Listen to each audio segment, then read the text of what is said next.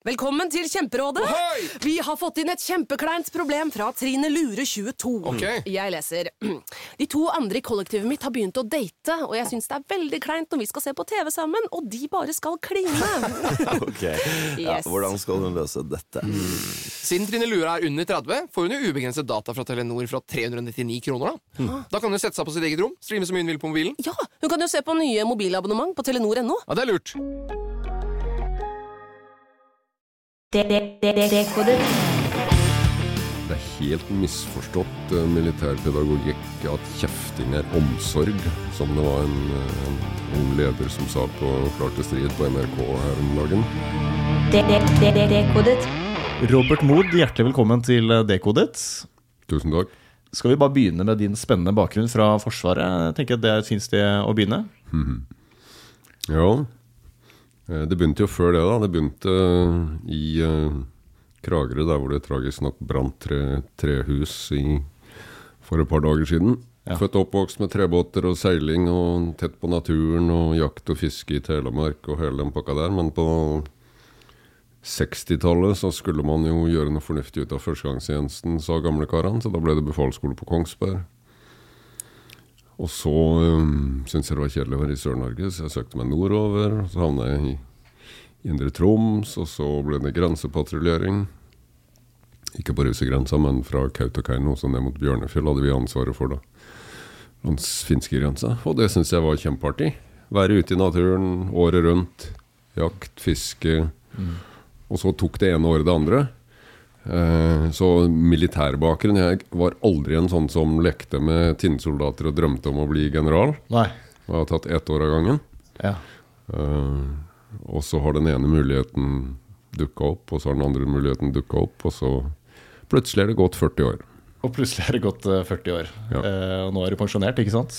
Jeg slutta i Forsvaret i 2016, og nå jobber jeg for eh, Eller jeg har noen verv da for Idrettsforbundet og Kirkerådet, Mellomkirkelig råd. Og så jobber jeg med har min egen podkast som heter Ungdomsopprøret, fikk jeg sagt det? Ja, nice. Og så um, Ungdomsopprøret, var det? Ja. Og, og så har jeg um,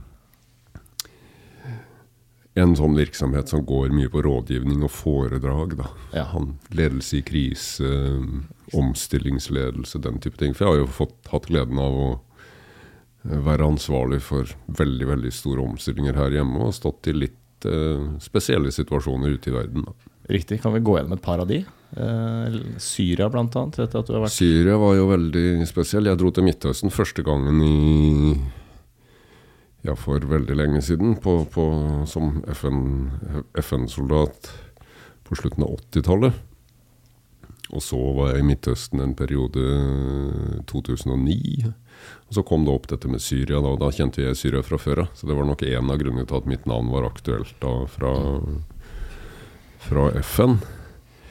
Og det var jo helt på begynnelsen av borgerkrigen. Borgerkrigen hadde starta i mars 2011 med disse, denne taggingen i byen Derra syd i Syria, hvor da Bashar al-Assad ikke klarte å, å styre seg og gikk litt for hardt til verks med sikkerhetsstyrkene, og så dro dette opprøret i gang. Og våren 2012 eh, så kom denne henvendelsen fra FN.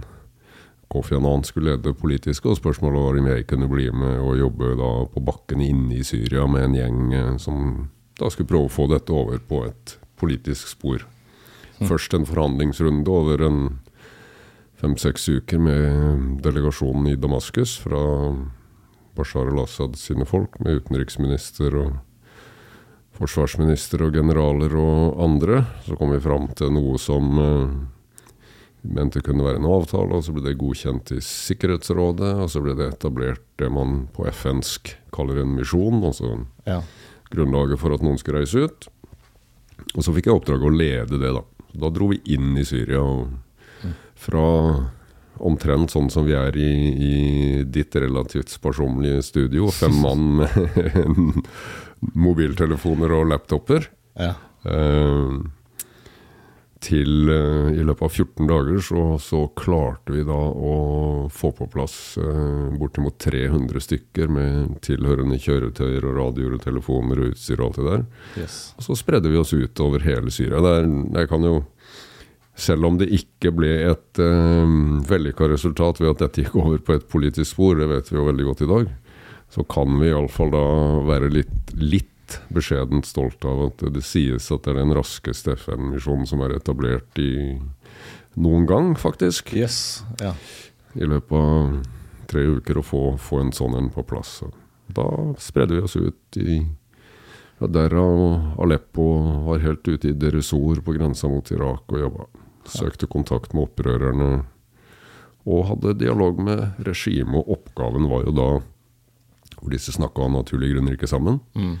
Men oppgaven var da å bringe med seg inntrykk fra opprørerne til um, generalene og politikerne i regimet, og ved et par anledninger direkte til Bashar. Og så se da om det var mulige åpninger for hvordan man kunne Mm. Få dette over på et politisk spor isteden. Også da Kofi Annan, som den erfarne statslederen, Mm. det var jo han som eh, hadde sin sekspunktsplan Mm. for hvordan man kunne få til noe sånt. Um, og rapportere tilbake til han, da. Så jeg reiste da til Etter noen hektiske perioder så dro jeg til Genéve og avrapporterte. og Vi snakka om hvordan vi skulle prøve å komme til å gå videre. Og så etter hvert så rapporterte vi også da selvfølgelig til Sikkerhetsrådet om Ja. framgang og hva som gikk dårlig og hva som gikk bra. Et diplomatisk oppdrag, ja, nærmest. Ja, For meg var det jo mest å være inne på bakken i Syria. Men for Kofi Annan så var det jo helt åpenbart et diplomatisk oppdrag. Absolutt. Så den todelinga, da. Hvor han hadde den politiske ledelsen, om du vil, og så hadde jeg det militære inne i Syria. Mm. Hvor det handla om å f.eks. reise til eh, ja, byen Homs, f.eks. Det var en av de første byene vi var inne i, med to biler, åtte mennesker uten våpen, sparsommelig utrusta, og så kjøre fram til regjeringens fremste styrker. Der sto stridsvognen og pekte inn i bydelen. Um, vi sa fra til de at vi var fra FN, hvilket de selvfølgelig også så pga. den blåbæret. ikke sant? Ja. Vi skal inn og ha møte med opprørerne. Og um, dette er klarert i Damaskus, og det er FN, og, og dere må gi oss uh, anledning til å kjøre over. Og så måtte jo de selvfølgelig da sjekke med sine i Damaskus og alt det der. Og så går det noen minutter, og så får vi lov til å kjøre over og kjøre inn i Homs, da. Og etter hvert kommer vi inn i en sånn stor, åpen markedsplass med flere hundre mennesker som er ganske um, fortvila, sinte, glad. For det er første gang siden opprøret brøt ut at noen vestlige er der. Så de ser jo på denne at vi kommer med FN-biler og FN-bereten på som kanskje et synlig tegn på håp. Og så det er litt drama der òg i den sammenhengen der, som handler om hvordan man kan sette sammen gode ledergrupper. Men eh, jeg skal ikke ta det nå, da. Men iallfall så ender det går bra etter litt dramatikk og litt drama. Og så har vi noen fantastiske møter med opprørerne nede i kjelleren under en sånn bombeskada moské. Ha. Og da vi fikk litt respekt for at vi gjorde det, da, eh, ganske tidlig. Og jeg var med for å lede fra front, som jeg hadde veldig stor tro på. Du kan ikke sitte inne på et kontor og sende folkene dine ut i farlige oppdrag. Du må være med sjøl. Eh, Og det fikk vi respekt for også, så vi slapp til, da. Eh, overalt over Syria. Eh, både i Derra i syd og i Aleppo i nord, og deres ord på grensa til Irak i ukene som fulgte. da. Men dessverre så eskalerte volden da, og det ble etter hvert um, Massakrene så vi jo bare rundt oss, men forferdelige massakrer ligna på en måte på Balkan midt på 90-tallet Ja. hvor det som særprega det, var at uh, volden i seg sjøl er et språk. Mm. Um, hvor det å drepe noen titalls sivile, gjerne barn, um, som f.eks. i landsbyen Hola, hvis det er noen som hører på som er, som er kjent, uh, um, det var rett og slett ikke noe annet enn at man sendte en beskjed til landsbyen om at nå har dere ja. gjort noe vi ikke ønsker. Jeg tror de hadde sluppet inn noen opprørere kvelden før som hadde fått mat og husly eller noe sånt. Um, og dette er det som skjer hvis dere oppfører dere sånn. Sånn er ren beskjed ble nesten, nærmest lina opp på torvet og den type ting. Men volden kom etter hvert nærmere de 300 jeg hadde ansvar for, da. Ved at vi annet eh, vi fikk, tok mange kuler. Det var ikke så farlig, for vi hadde jo biler, vi hadde pansra biler. Så du så bare disse rosettene i vinduene. Men du skal skyte veldig mange skudd på i én sånn rosett for at det skal gå gjennom. Mm. Så det var ikke veldig farlig, og det var eh, i hovedsak erfarne folk jeg hadde med meg, så det gjorde ikke noe sånn voldsomt eh, inntrykk på de, men vi begynte etter hvert å ta sånne eh, improviserte ladninger hvor du kan, du kan lage ladningen som en cone, altså kjegle. Mm. En omvendt kjegle, og da slår energien fra sprengstoffet inn i midten i en sånn veldig konsentrert stråle. Eh, Vi tok et par sånne inn i bilene våre etter hvert, og da begynte det å bli så farlig at vi måtte legge begrensninger på hvor folk dro og, Ja. og den slags.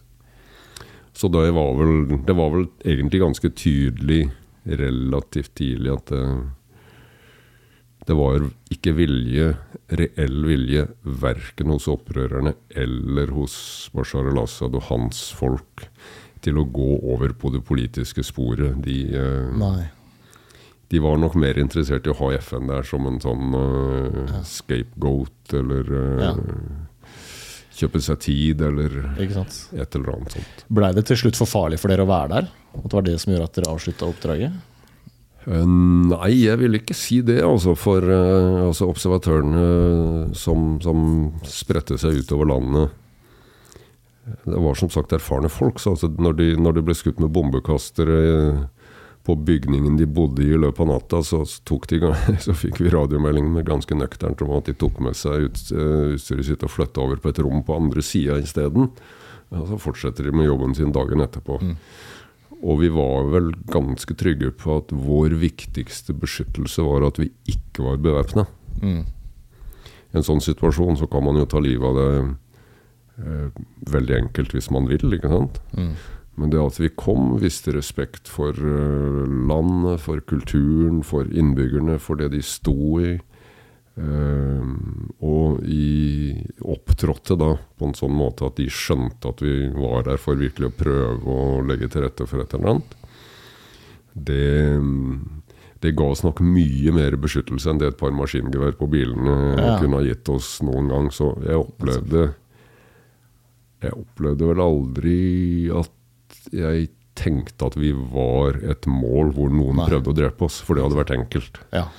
Men volden kom nærmere, og de, de, som sagt, de bruker jo vold som språk. Så liksom 50 kuler i, i en av våre FN-biler på vei til et møte, det var mer et beskjed om, en beskjed om at de, de syntes ikke det var noe særlig greit at vi møtte de menneskene, eller skulle ha det møtet nå, eller noe noe sånt. Eh, Så det høres, høres kanskje litt flåsete ut når jeg sier det sånn, men det er jo faktisk da Ja, ja. den type virkelighet man står oppi da, i ubevæpna oppdrag i, i krigssoner. Og, de som var med ut, det var en del norske som var med ut, et titalls norske. Det var en fantastisk gjeng med i hovedsak erfarne folk, som sagt. Så. Hvor lenge varte den operasjonen eller prosjektet? Hvor lenge var dere i Syria? FN ga oss mandat i utgangspunktet for eh, 90 dager. Um, for det var jo liksom hi, Hiv inn en Ja.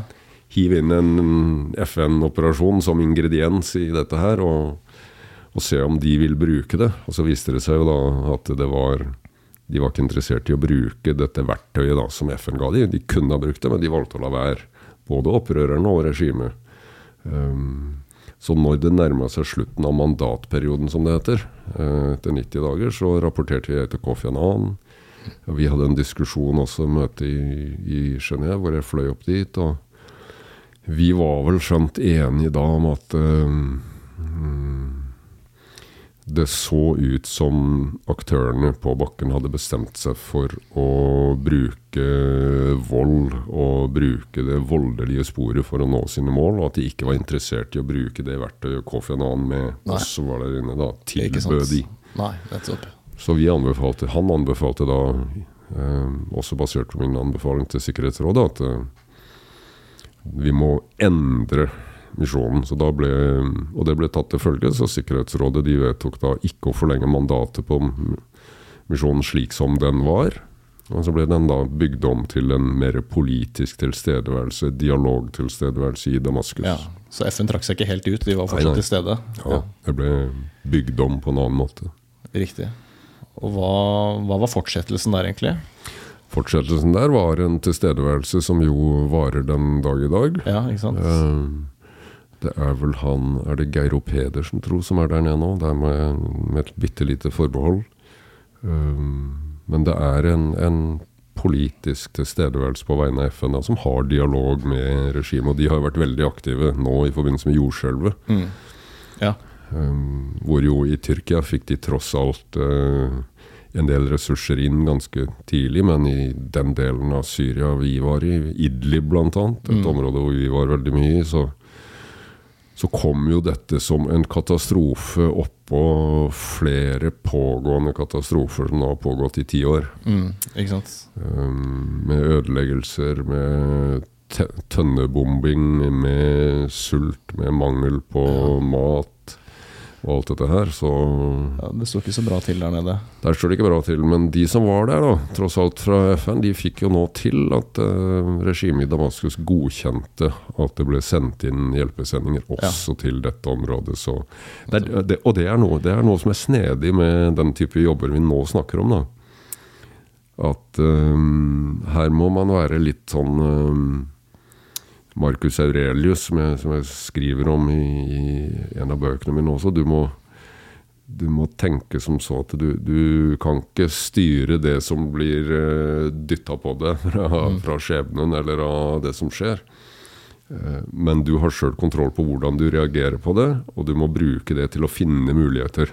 Ja. Så de menneskeliva som nå blir redda takket være FN-innsats eh, seint, ja, og for lite, ja, men tross alt blir redda, det må de som er der nede og jobber, tross alt Ja. minne seg på om at de skal glede seg over oppi tragedien. Litt Ja. sånn var det når vi var inne nå. Altså, vi hadde masse en hel rekke vellykka møter, og vi er helt sikre på at vi la en demper på volden eh, en del steder. Og det, Ja. at vi var veldig raskt på plass, og at den ble omdanna til en politisk misjon, det, det snakkes det faktisk fortsatt om i FN i dag som selv om ikke eh, Kofi Annan og, og vi på bakken da lykkes med å overbevise partene om at de skulle bruke dette verktøyet, eh, at de valgte en annen vei. Tross det så fikk man til en god del som man skal ja, ikke sant? glede seg over. ja. Ja. Eh, Snakker vi 2012 her? Hvilket årstall er det? sommeren 2012, Ja, ja. det var 20-tallet. Det er fort ti år siden. Mm, Tida går. Ikke sant? Og du har også vært i Røde Kors også. Ja. Etter din karriere i Forsvaret, ikke? så var du president i Røde Kors i et par år. Ja, jeg begynte, mm, jeg begynte med frivillig arbeid i, Boff i 10 år- 10-15 år før det, i Stiftelsen Arkivet i Kristiansand. Um, arven etter gamle Faremo, hvis, eh, hvis noen husker det. Han, eh, det var jo en Gestapo-kjeller under arkivbygningen i Kristiansand. Det ble brukt som et torturverksted av uh, tyskerne under andre verdenskrig. Ja. Men den tok de vare på, og så brukte de begynte de å bruke det i tråd med gamle Faremos ønsker da, som en formidlingsarena. Mm. Så f.eks. siste året jeg var med der nede, så hadde de 16 000 ungdomsskole- og videregående, elever, eh, videregående skoleelever innom, eh, som da gikk ned. Og der var jo torturkjelleren med torturredskapene gjenskapt. Ja. Så de kunne gå inn. Og mm, når jeg var med, begynte rundt år 2000, så hadde vi fortsatt gjenlevende torturofre. eh, Som var med og guida. Shit. Så du kan tenke deg Ja, ja. stemningen når du går ned i Ja, et torturkammer, Så og så er redskapet der ja. der, ikke sant? Og så Shit. sier eh, gamlingen som guider de at Ja. der satt jeg, og Ja, den ble brukt på meg. Ja. Eh, og det var, jo, det var jo da et arbeid som og Stiftelsen Arkivet er videreutvikla siden den gang. var en fantastisk institusjon med flere aktører inne i samme bygningen. Um, og det handler om formidling, det handler om um, forsoning. Det var en periode de var også hadde dialog med Robben Island-stiftelsen, Nelson Mandela-stiftelsen og litt sånt. Mm. Så da, nei da, så jeg har uh, fuska litt i faget frivillighet uh, mens jeg gikk i uniform òg. Veldig givende. Ja. Eh, Åssen to- ja. Torturredskaper var det der nede, forresten? Jeg bare ble nysgjerrig på det. Det var eh, holdt på å si de tradisjonelle, hvor man ble hengt opp ikke sant, i taljer og, og radbrukket og sånt som man eh, dro fingrene gjennom og Ja. ja. Det meste egentlig du kan Ja, tenke deg som Gestapo brukte under krigen. Fy faen. Så det- ikke noe hyggelig sted å være. Nei, det hørtes ikke sånn ut. Men dette var altså mens du var i Forsvaret, som du Dette er mens jeg var i Forsvaret. Men så hang jeg av med uniformen i 2016. um, Etter to år i Nato-hovedkvarteret i Brussel som Norges militære representant der. Eh, Spennende år det òg, for det var jo fra 14 til 16. Og Russland gikk jo inn i Ukraina i 2014, så vi satt med hele oppkjøringa der da i den perioden. Men i 16 hang jeg av meg uniformen, for da hadde det plutselig gått 40 år siden jeg begynte med grensepatruljer i nord. Og mm, da kom Røde Kors og spurte, da. Om jeg kunne tenke meg Ja, nei, det hører med til den fortellingen også at jeg meldte meg jo til det lokale Røde Kors når jeg kom hjem. Riktig.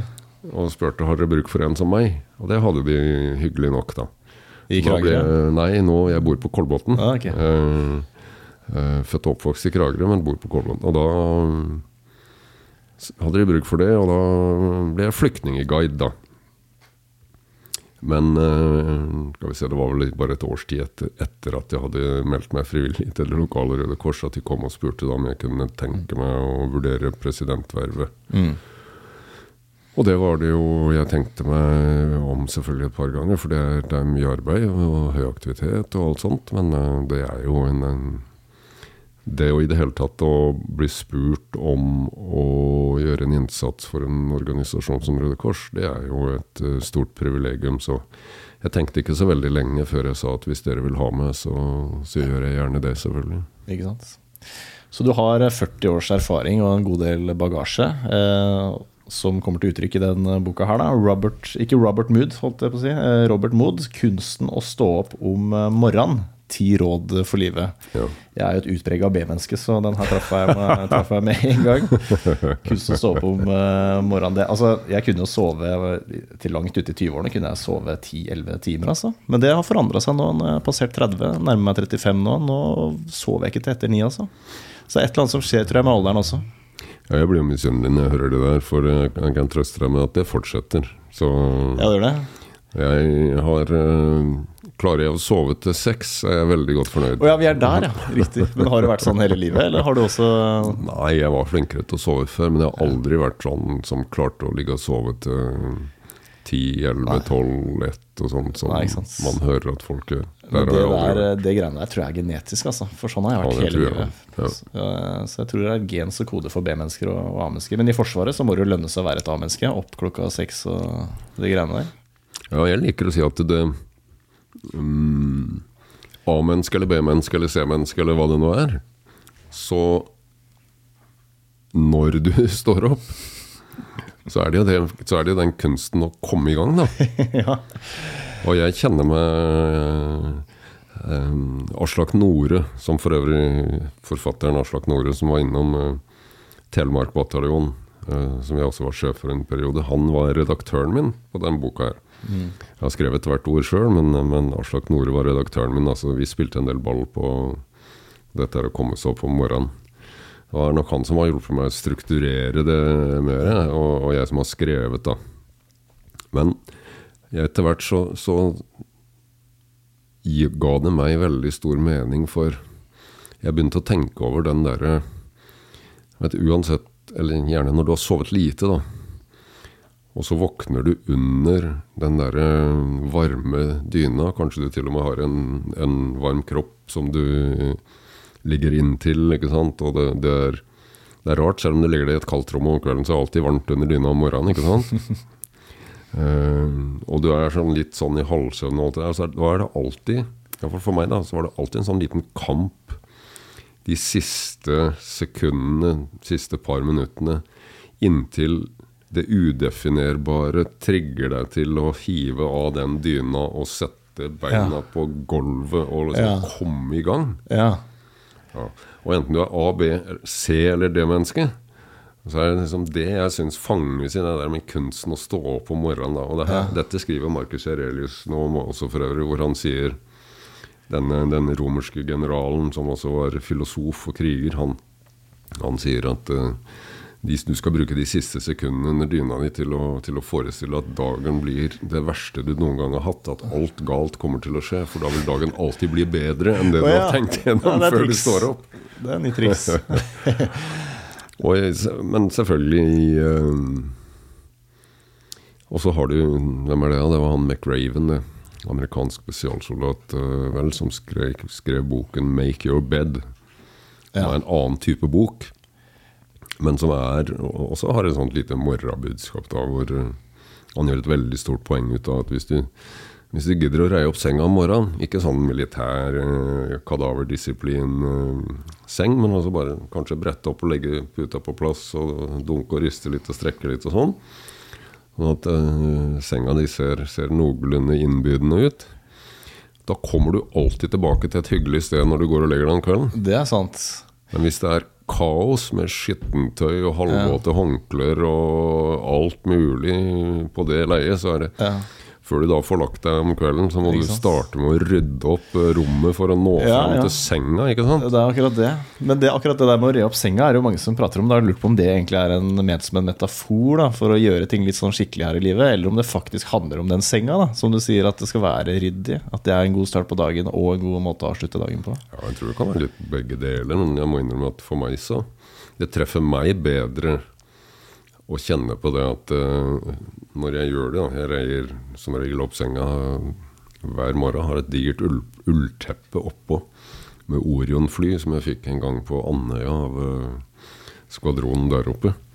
Eh, jeg reier alltid opp, sånn noenlunde pent. Og da, har jeg en viss glede av at jeg vet at enten jeg går, kommer hjem klokka 9, 10, 11, 12 eller 1, eller hva jeg skal gå og legge meg, så vet jeg at eh, her er det innbydende og klart. Og, Ja, men det er klart det har jo litt med struktur å gjøre òg, så selvfølgelig har det det. Men eh, ja, kanskje litt begge deler. Ja, litt begge deler. Og her er det jo en del gode råd. Altså Det første rådet er vi inne på nå. Det er jo rett og slett stå opp om morgenen. Stå opp om morgenen. Eh, men Angrip dagen. Ja, og selv om jeg har vært et B-menneske hele livet, så har jeg i hvert fall stått opp da da jeg våkna. Det er bare at jeg våkna så jævla seint. Men hva betyr det? Stå opp om morgenen? Komme i gang. Det er egentlig det som er eh, det store, det store rådet her, da. Glede seg til dagen. Kan godt ha forberedt deg at det kommer til å bli en ille dag. Men å, å gripe den derre Gripe den energien som du har de siste sekundene før du drar av deg dyna og står opp i det kalde rommet og kommer i gang. Gripe den energien og gå løs på dagen med lyst og glede. Det handler om først og fremst for meg. Ja, Og det ude, den udefinerbare triggeren, har du noen gang funnet ut hva det er for noe? Nei, det er for meg fortsatt et mysterium. Kjente på En det senest i dag tidlig. ja, ikke sant? La meg ganske seint i går. Våkna, jeg våkna tidlig, så jeg våkna halv 60 i dag. Ja. Og, og så har jeg sånn jeg, har, jeg liker å høre BBC World News om morgenen, så jeg, den slår seg på, da. Cirka klokka seks, tror jeg. Ja, seks på hverdager slår den seg på. Og da ligger jeg og hører på det litt, og så er det Så etter hvert så modnes det dette at uh, man må komme seg opp av senga. Men akkurat den siste triggeren Hva er det, liksom? Ja. jeg. Jeg digger jo, i, I helgene så liker jeg å drikke kaffe på senga, da, og da merker jeg at den triggeren kommer seinere. Da kan jeg fort, Hvis jeg våkner eh, ni, så kan jeg fort eh, sitte i senga og drikke kaffe til elleve. Altså. Men da er det ingenting jeg skal rekke heller. Så det måte... Men den kommer jo til slutt, da, den der triggeren. Ja, nå må jeg stå opp. Ja. Kan ikke sitte her, liksom. Men det er jo behagelig. Hva som utløser hva som, er den, hva som er den knappen helt til slutt. Ja, det er liggesåret, kanskje. Kanskje liggesåret. Eller blæra. Pakk sekken. Den er fin. Blitt mer og mer bevisst på det jo eldre jeg blir. Forberedelser, gode forberedelser. Det er det det handler om. Det er det det handler om, og det er mange Det er mange måter å sette ord på det på, men det er, det er iallfall helt sikkert at hvis man ikke forbereder seg godt, så er det to utfall som er lett å spå. Det ene er at det blir mindre vellykka det du skal gjøre. Og det andre er jo at du ikke vil være i stand til å gripe de mulighetene som oppstår i løpet av en, en dag eller, eller, en uke, eller hva det er. da. Mm. Så det å være forberedt, enten vi snakker om hjelpekorpspatruljen, eller vi snakker om soldaten, eller om, vi, eller om vi snakker om diplomaten, eller fjellklatreren, eller fallskjermhopperen Det er en, en egenskap som vi, som vi undervurderer veldig. Jeg, og det en av grunnene til at jeg har det langt framme i min bevissthet, det er jo første FN-oppdraget mitt. Um, og da må jeg prøve å ta deg med til, uh, til Libanon, da. En, du må se for deg en varm og veldig våt høstkveld. Um, Sirissene er intenst til stede i mørket. Uh, og det regner, så det er blankt. Ingen gatelys, ikke sant. Og i en sånn situasjon så er det en norsk FN-patrulje, altså fire-fem mann, vei ned langs en kjerrevei mot en liten landsby som ligger sånn oppe på en rygg over en elv som heter Litani. Um, rutinepatrulje som de har gjort mange ganger før. Men så kommer de omtrent halvveis ned, så braker det løs med munningsflammer fra håndvåpen, AK-47-er og RPG, sånne rakettkastervåpen og sånt. Så de, de vet det, skjønner de selvfølgelig ikke med en gang, men det viser seg jo da at det er et godt forberedt bakhold.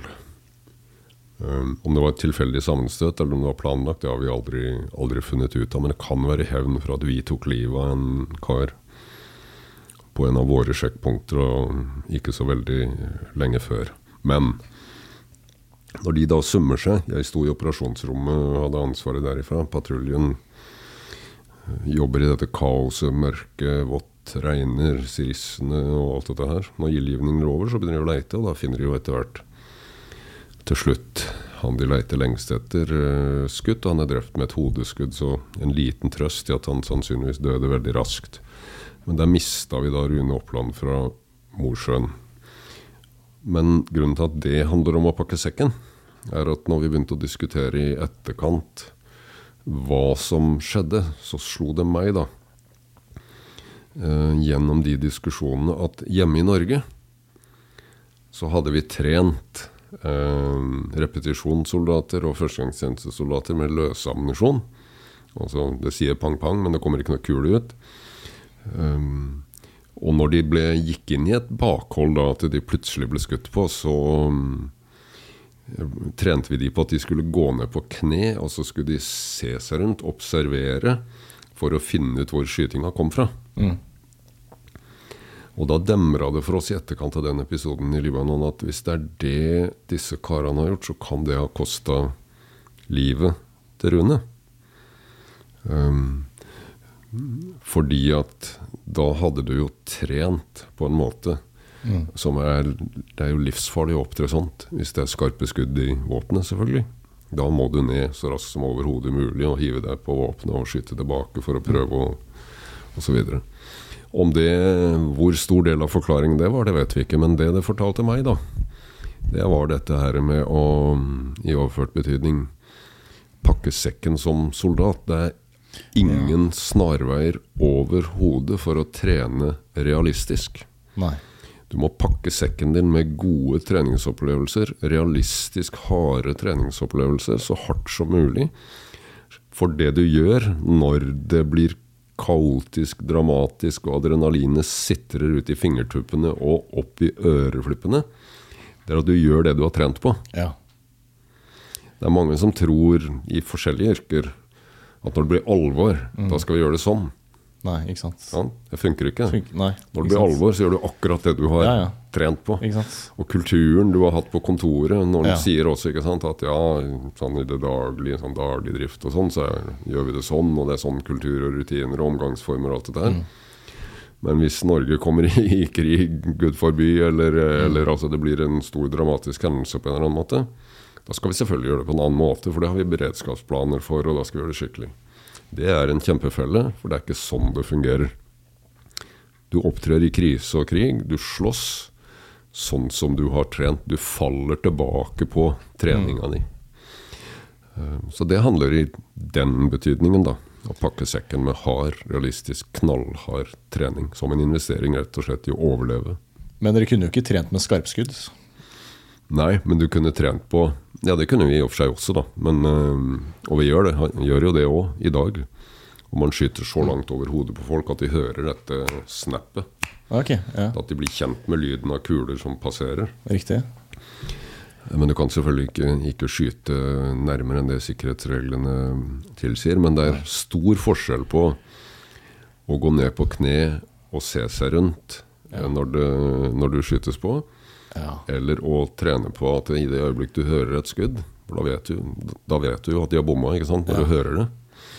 I det øyeblikket du hører det, da er det bare å hive seg ned og i, den lille grøfta du finner, og åle deg fram til stillinga. Altså, det er en helt annen opptreden enn å gå ned på kne og på en måte se hvor kommer disse skudda fra. Ja, det er det.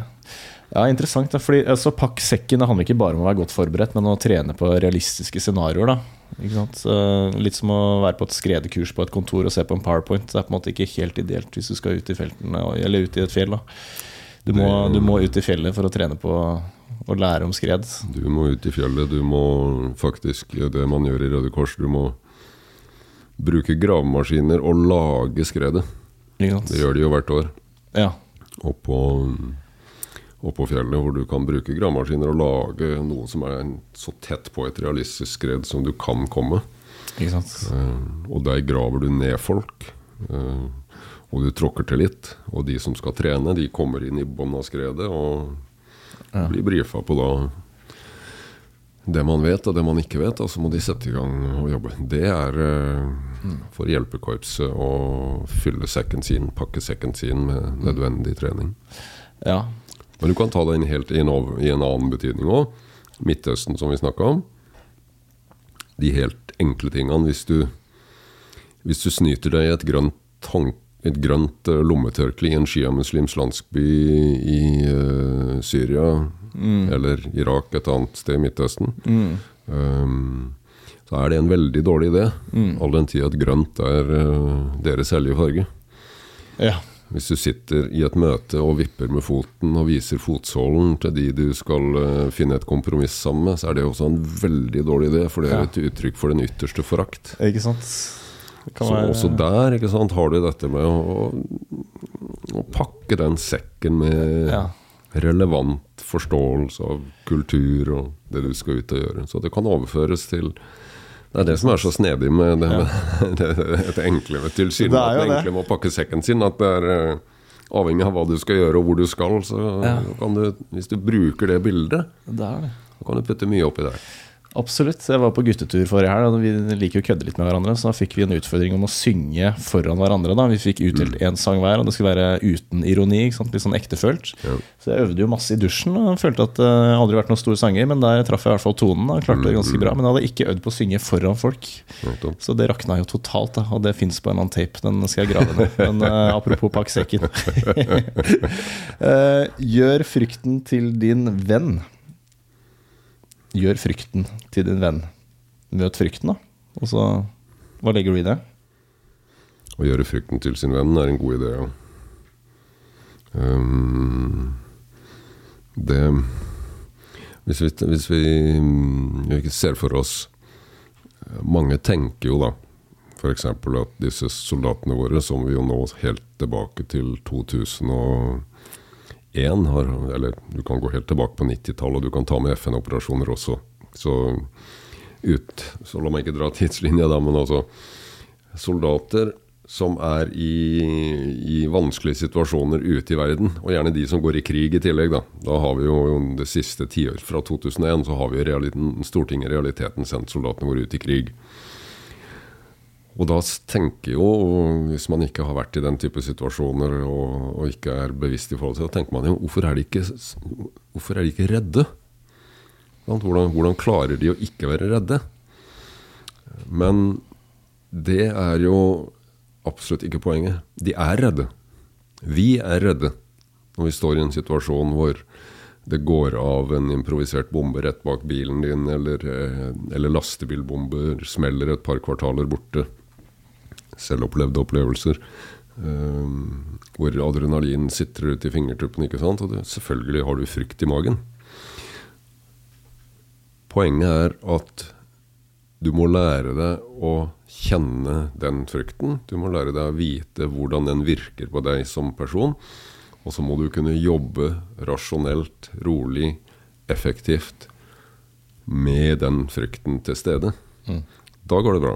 Hvis du lar den frykten ta overhånd, øh, så går det selvfølgelig dårlig. Men dette er jo trenbart, så det holder. Uh, og det er mest, en av de mest fascinerende teknikkene her, syns jeg. Da, det er jo det man uh, Første gangen jeg så det, var når jeg fikk det overordna ansvaret. Jeg har aldri vært spesialsoldat. Jeg er infanterist. Dårlig smurte treski og, og pulker. Langt å gå og tungt å bære. Og vått telt og alt det der. Og min uh, militære oppvekst oppe i nord. Men uh, jeg fikk det overordna ansvaret for de, så fikk jeg se hvordan de på seleksjon, da, altså hvordan man skulle velge ut de som allerede var jegere, men som skulle ta det neste steget til å bli spesialjegere, mener jeg dette opptaket her var til. Og da stiller man opp disse mannfolka. Det er jo bare mannfolk som har klart å, komme seg inn på dette foreløpig. Ikke fordi at de ikke er åpne for jenter, men, det er fordi at, de klarer ikke opptaket. Og stiller de opp langs bassengkanten i en sånn 25 eller 50 meters basseng. Um, og gjør det litt ekstra ubehagelig, sånn at de, de må ta, av seg klærne. På forhånd så har vi senka temperaturen i rommet, kanskje, så det er ned mot 12-13-14 grader istedenfor de vanlige 25. Og så skal det være litt sånn. Og så går instruktøren opp på jeg tror det var tremeteren, jeg tror ikke det var femmeteren, jo det var tremeteren, ja. Og, og forteller at nå skal vi lære dere baklengs stup. Ja, ja guttene står der. Det her kan jo ikke være noe kunst, ikke sant? Jo, ja.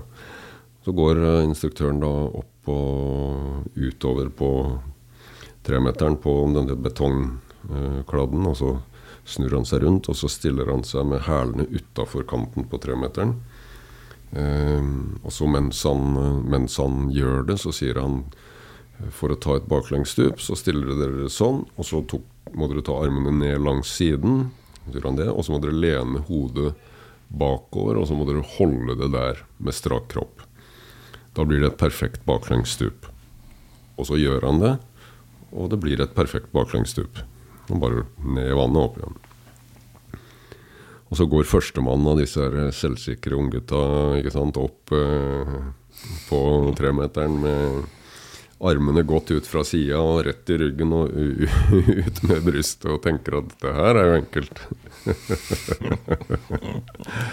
og så stiller han seg med hælen utenfor, da armene ned langs sida, bøyer hodet bakover og lar det stå til. Og halvveis ned så går han i fosterstilling og plasker i bassenget og kommer litt, litt mer ydmyk opp med rød rygg. Ja. Ja. Og så kommer nestemann som kanskje klarer det sånn noenlunde, og så kommer tredjemann som ikke klarer det i det hele tatt. Og nå har jo disse her skjønt hva det handler om. Det handler ikke om baklengsstup i det hele tatt. Nei. Det handler om å skape en veldig enkel, men veldig effektiv situasjon, hvor de kan kjenne på den koblingen mellom intellekt og følelser. Mm. Og litt snedig da er jo at de som, de som f.eks. aldri har stupt baklengs før, men klarer det på første, de er ikke mm. nødvendigvis de du vil ha. Nei, ikke sant? sant? For det er, de som, det er robotkandidatene, ja, ikke, ikke sant? De som aldri klarer det, de er også litt sånn De skal ja. være veldig gode på veldig mye annet for å slippe okay, gjennom. Ja, interessant. Mens de som er litt dårlige på første, og kanskje litt bedre på andre, og klarer det på tredje, der har du materi det materialet du vil ha. Sant? Ikke sant? Så ja, den er, den Da summa de og prate. Den kan du ta som, eh, som på neste guttetur. Ja, kan du ta den gjengen. Ja, den var ikke så dum, altså. Uh, det er veldig artig, for det, ja. gjør du det riktig, så blir det perfekt. Gjør du det gærent, så blir det vondt på ryggen. Ja, ja. For det handler det. om koblingen mellom hodet og magen. Ikke sant? For det, sånn rasjonelt sett så er det jo ikke farlig, ikke sant? men ikke farlig i det hele tatt. Eh, følelsene kicker inn, og det blir jævla skummelt plutselig. Ikke sant? Ja. Men de som er mange av de som klarer det på første, de der robotene?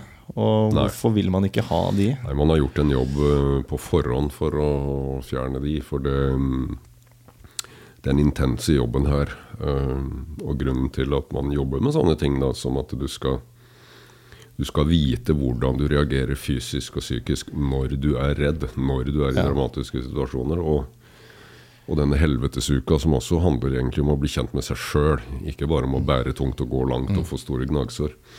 Um, de er jo Det er jo gjort en utsiling på forhånd. Så det er, ikke det er ikke så mange som kommer der og er den, øh, den typen her. Det er jo personlighetstester, og de har vært gjennom opptaket til Jegeren Ja. allerede. og litt sånt, så For Hvis du er så fryktløs, så kan du vel potensielt sett sette dine medsoldater i fare også, kanskje? Hvis, eh, Hvis du ikke.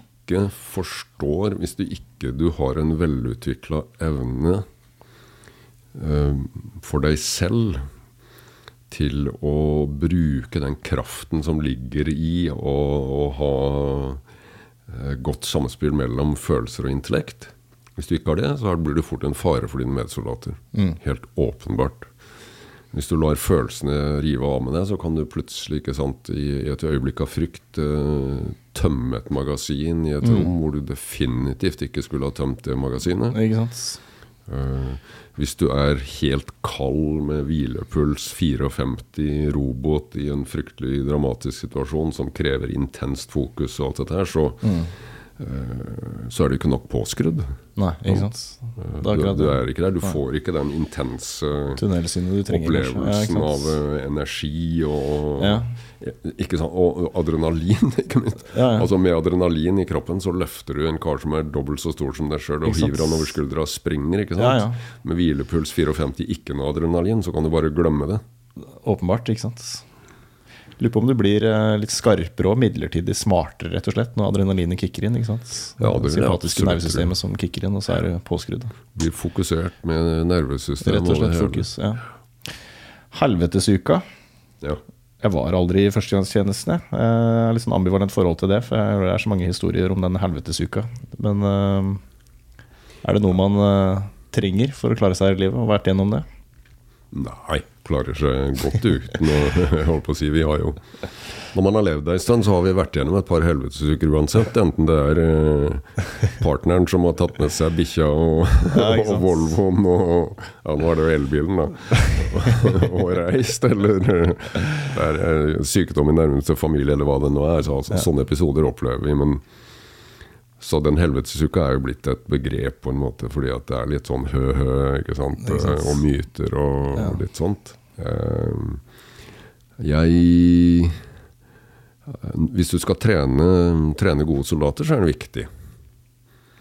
Men ikke fordi at de skal plages.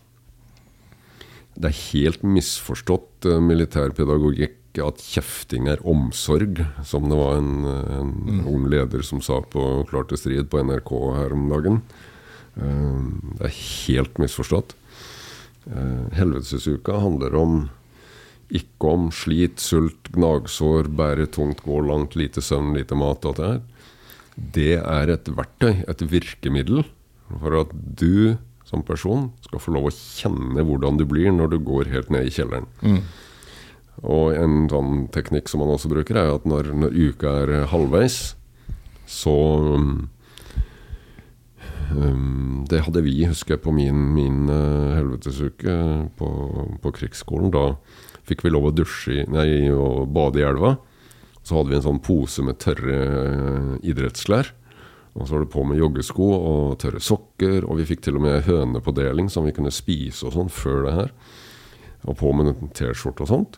Og da trodde jo vi at vi var helt utslitt. Eh, og så, men så skulle vi løpe da terrengløype, sånn som vi har løpt. Sånn 3000 meter terrengløype som vi sikkert hadde løpt før også, så vi hadde sånn noenlunde koll på tida. Og det verste var jo at det var ingen som løp noe nevneverdig saktere Nei. enn det de hadde gjort da de var uthvilte og kom rett fra kaserne. Nei. Og det er jo da en, en, en måte å lære folk at det å være, 100, det å være helt utslitt, det sitter mellom øra. Det sitter oppi her. Eh, du, er, du har egentlig 25-30-35% å gå på. Alltid. Da er vi tilbake til litt det du får ved hjelp av et adrenalinkick. Men det å vite om det, det er viktig. Og da er vi tilbake til hensikten med helvetesuka. Du skal skjønne, du skal forstå, du skal ha erfart på, hvordan du begynner å surre når du har gått tre netter eh, uten søvn og lite mat. Det har vært der, kjent på det. er viktig. Da kjenner du igjen når du begynner å bli sliten nok til at så sant mulig må jeg nå ha to timer på øret, ellers så blir det bare tøys. Og du er også der da at du øh, kan bruke det da som, som, som veivisere. Um, og du er selvfølgelig ikke minst da bevisst på at uh, det sitter mellom øra. Så når man tror man er utslitt, så er det masse igjen. Ja? Det er rett og slett eh, for å bli kjent med deg sjøl, da. Det er uh, Hensikten med Helvetesuka er å lage en arena hvor folk blir bli kjent med seg sjøl. Og det har, den kjennskapen har du nødvendigvis ikke når du er i tidlig 20-årene. Mange som har høy selvtillit, i hvert fall. Få som er der. Veldig mange som har en helt selvtillit som kommer kanskje mer fra Fortnite-spilling og, Ja. øh, og andre arenaer. Og ikke noe gærent med det. Jeg, jeg har ikke noe imot Fortnite. Jeg synes tvert imot ser positive elementer med det. Jeg setter meg ned blant guttegjengen hjemme som, som spiller, hvor de både hjelper hverandre og, og gjenoppliver hverandre og gjør mye, mye rart. Så jeg ser teamarbeid der òg, jeg, da. Ja, ja. Selv om det er elementer av, av drepinga som, som kanskje kunne, kunne godt vært foruten, sånn sett. Men eh, det Men selv, om- ja, selv om du er rå i Fortnite, så har du fortsatt mye å lære. fortsatt mye å lære. Men hvordan kan den helvetesuka overføres til, eh, til dagliglivet? da? Det handler jo om å bli kjent med seg sjøl som ung, eh, late, altså sent i tenårene. Men det er sikkert sunt for mange, det. Uansett hvor man er i livet. Og vært gjennom noe. Ja, jeg tror ehm, jeg, fikk tilbakemelding, en overraskende tilbakemelding på, på boka, som er utgangspunktet for det vi nå snakker om. Eh, 'Kunsten å stå opp om morgenen', ti råd om, om ti råd for livet. Det var en 15 år gammel jente eh, som åpenbart hadde, var litt sånn på søken. Og, og tilbakemeldinga var 'Denne boka har jeg lest to ganger. Den kommer til å endre livet mitt'. Ja. Og det som overraska meg, da, det var at det kom fra en 15-åring. Ja. Så det, og det syns jeg var kjempestas. Altså, da var jo Jeg skriver selvfølgelig ikke bøker for å tjene penger, da skal du selge masse bøker, ikke sant? Men jeg skriver fordi at jeg tenker at kanskje er det noe her som noen kan ha glede av. Når du da får en sånn tilbakemelding fra en 15-åring, uh, så var det veldig, veldig stort. Uh, og det handla vel om, slik som jeg oppfattet det, at hun så dette her med at ok, når han der er mannen der, som iallfall på bildet på boka ser litt sånn eh, eh, general og, og hadde nær sagt stor og sterk ut, uh, iallfall litt sånn autoritetsaktig ut på det bildet, når han kan snakke om at vi må lære oss å kjenne på egen svakhet, og du må tørre å vise egen svakhet, og, og vi må ikke være redd for den biten der. Tvert om, det gir styrke så er det jo Når han kan være sånn, så er jo, må jo det være like greit for meg òg.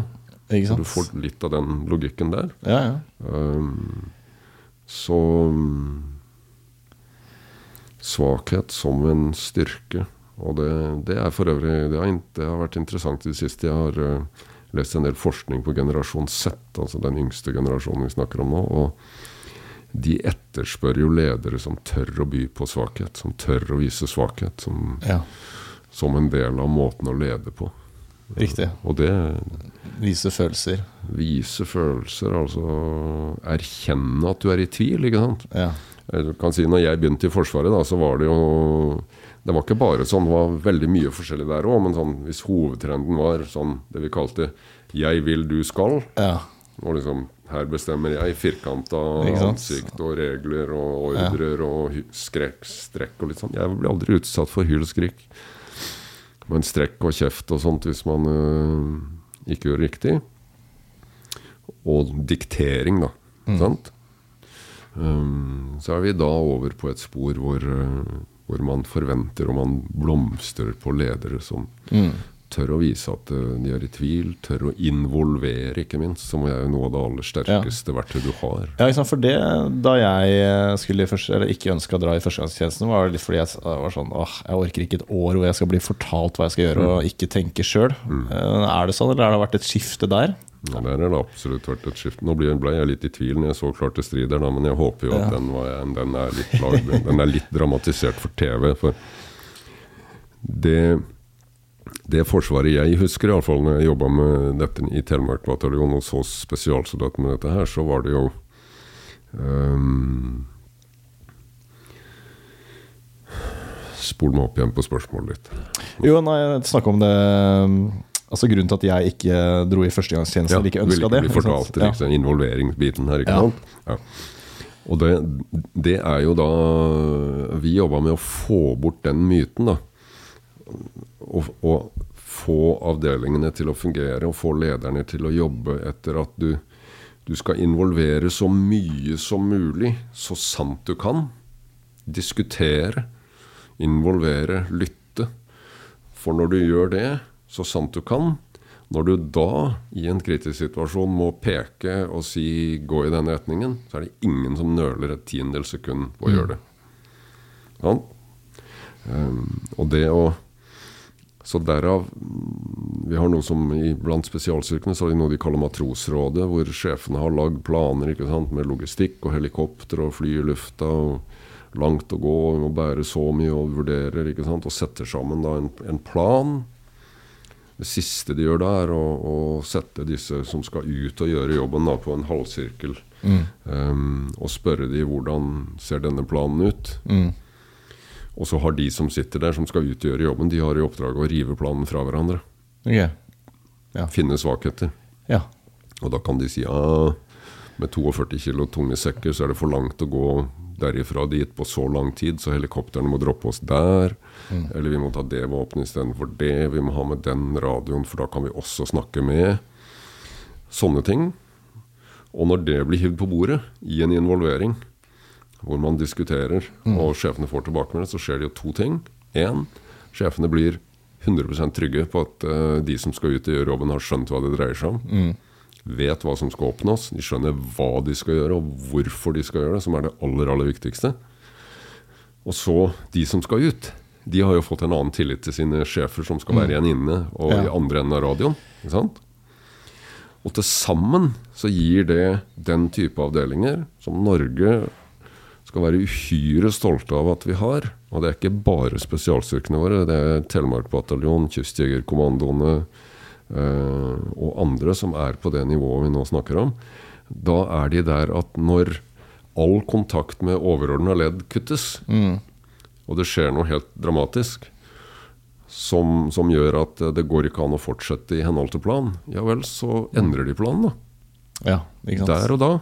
Og vi har hatt situasjoner, eh, reelle situasjoner fra Afghanistan hvor unge norske soldater på bakken har sagt nei takk til flybomber, selv om de har vært under press fra sine overordnede i hovedkvarteret langt borte på litt strengt på radioen. Eh, Fordi at de, de på bakken som er der, som ser i kikkerten, de vurderer risikoen for sivile å være for stor.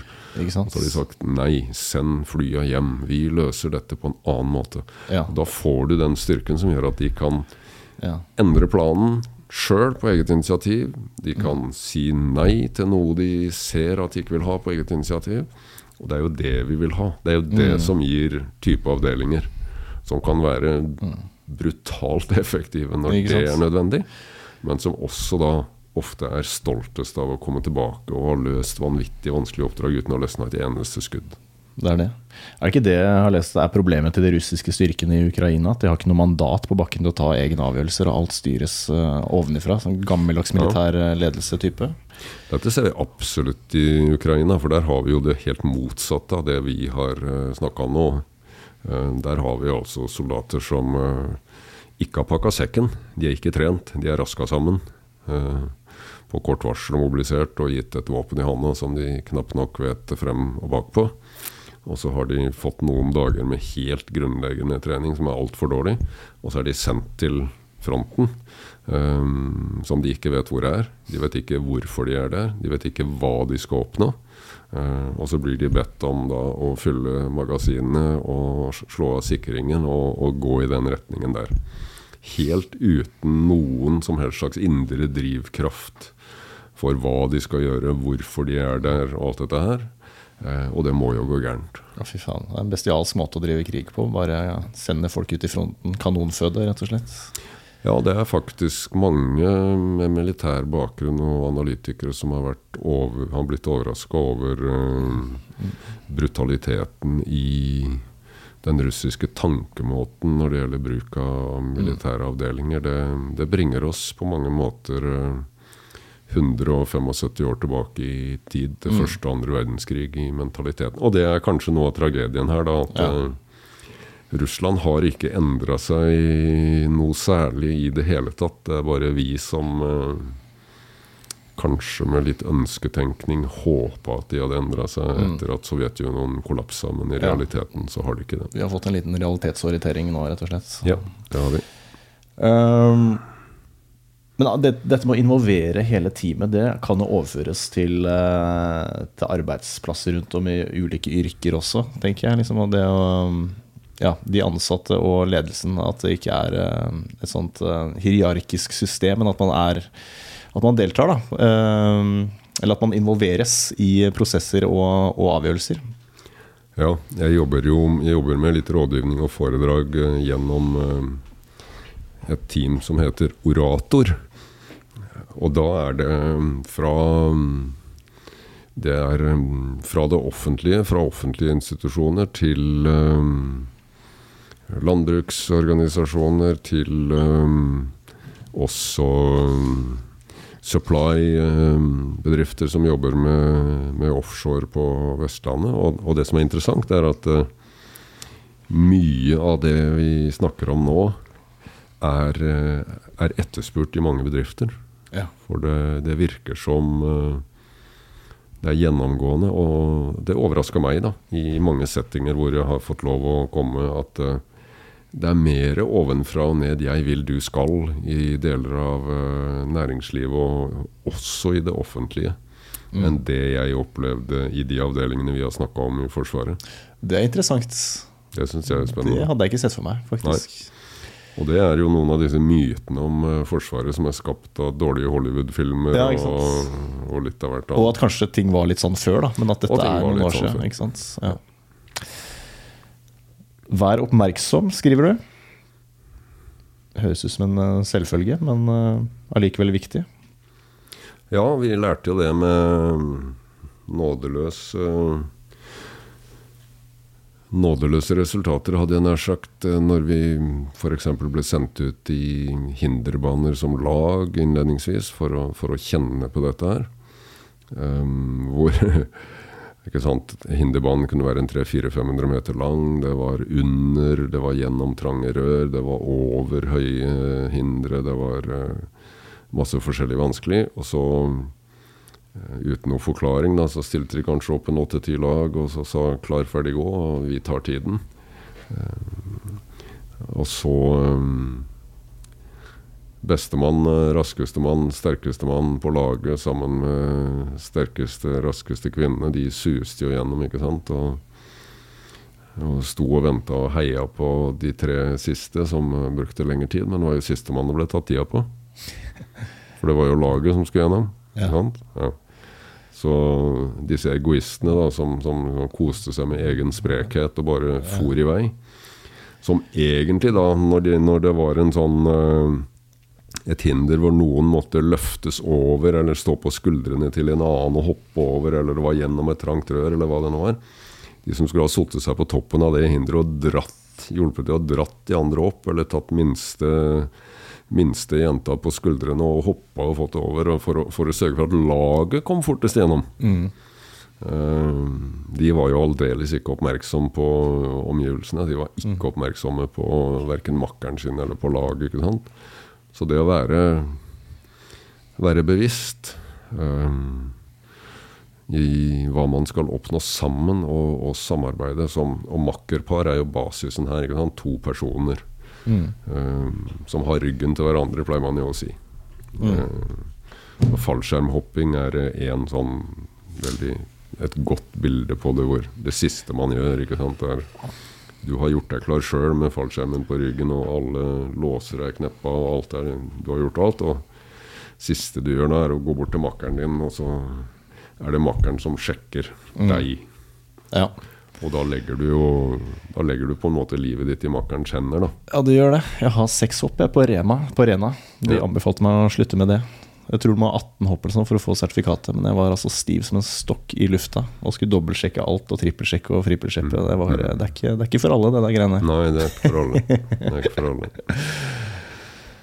um, ta en for laget. Det er jo um, Det er jo ehm, alltid slik at ehm, vi har noen enere. Sant? Det har vi alle yrker. Veldig tydelig er det i, i, blant profesjonelle fotballspillere, da, for å gå dit. Uh, hvor du har du har noen Rashforder og du har noen uh, Haalander. Haaland er et godt eksempel her. Da, for Han er jo utprega med sine spisskvaliteter på en helt, helt spesiell måte. En suveren ener som individ. Uh, men det som gjør at han er i ferd med å jobbe seg ordentlig inn i Manchester City og bli en, en enda viktigere del av laget, det er jo nå at han motvendt, altså med ryggen mot motstandermålet, er i stand til å ta imot langpasningene, legge de ned og servere målgivende pasninger til Mares og, mm. og, disse andre rundt. Grelish og Foden og mm. Og det er jo det det handler om, å, å ta en for laget. da. At uh, du Du skal ikke du skal ikke la deg blinde av din egen suksess, slik at det, det handler bare om deg og individet. Må, det er laget som skal vinne. Da er det Haaland på ene sida, så har du kanskje Ronaldo, da, som er diametralt motsatt akkurat der. Der ser det ut som det gikk helt uh, i litt feil retning, ja. ja men når du får tilbud om var det 200 milliarder kroner Det var en sinnssyk sum hvert fall for å gå til den saudiarabiske klubben, så jeg veit ikke om jeg hadde sagt nei. Altså. Jeg veit ikke om jeg hadde gjort det. Nei, det, han har ikke vært i de skoa, men uh, det er jo også et lite paradoks at han Pengene trengte han jo ikke. Nei, det er poenget. Det er forskjellen. Han trengte altså, ikke de penga. Penger hadde han fra før av. Så det handla ikke om penger. Det handla i så fall om å polere egoet enda litt blankere. Mm. Um, men det er en interessant eh, case. da Han sa vel på et eller annet tidspunkt i karrieren Hvis jeg husker riktig at noe sånt skulle han aldri gjøre. Ikke sant og when shit hits the fan, så ser jeg hva som er viktig. Ja.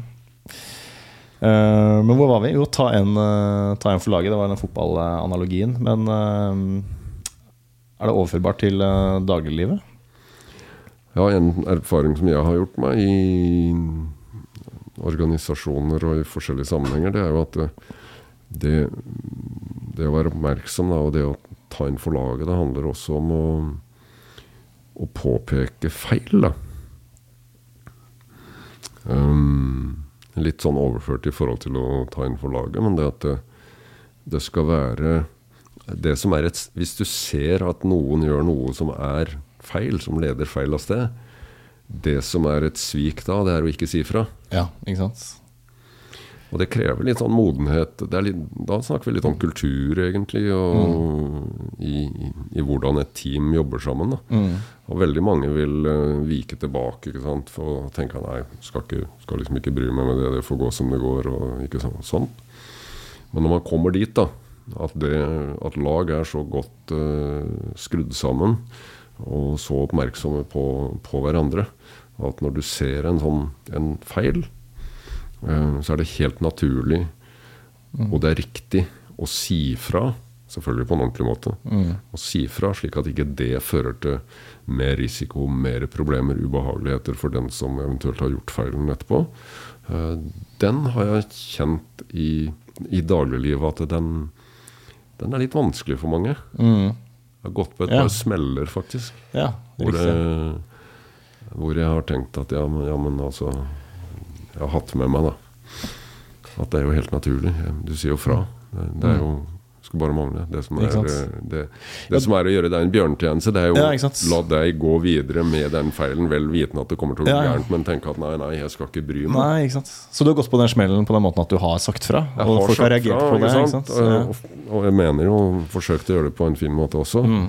Jeg har ikke noen gode eksempler i farta, men, nei, nei, men jeg, jeg husker veldig godt at det er et par stykker som ble sure på meg, for de syntes jeg liksom ikke skulle bry meg med det. Men det er der og da, da, så kan det hende at de satte pris på det når de hadde fått det landa der litt, og noen uker senere, kanskje. Vi får satse på det. Ja. Så er det jo Godfoten her, da. Er det vi var innom Eggen, fotballen. Eggen sin godfot. godfot.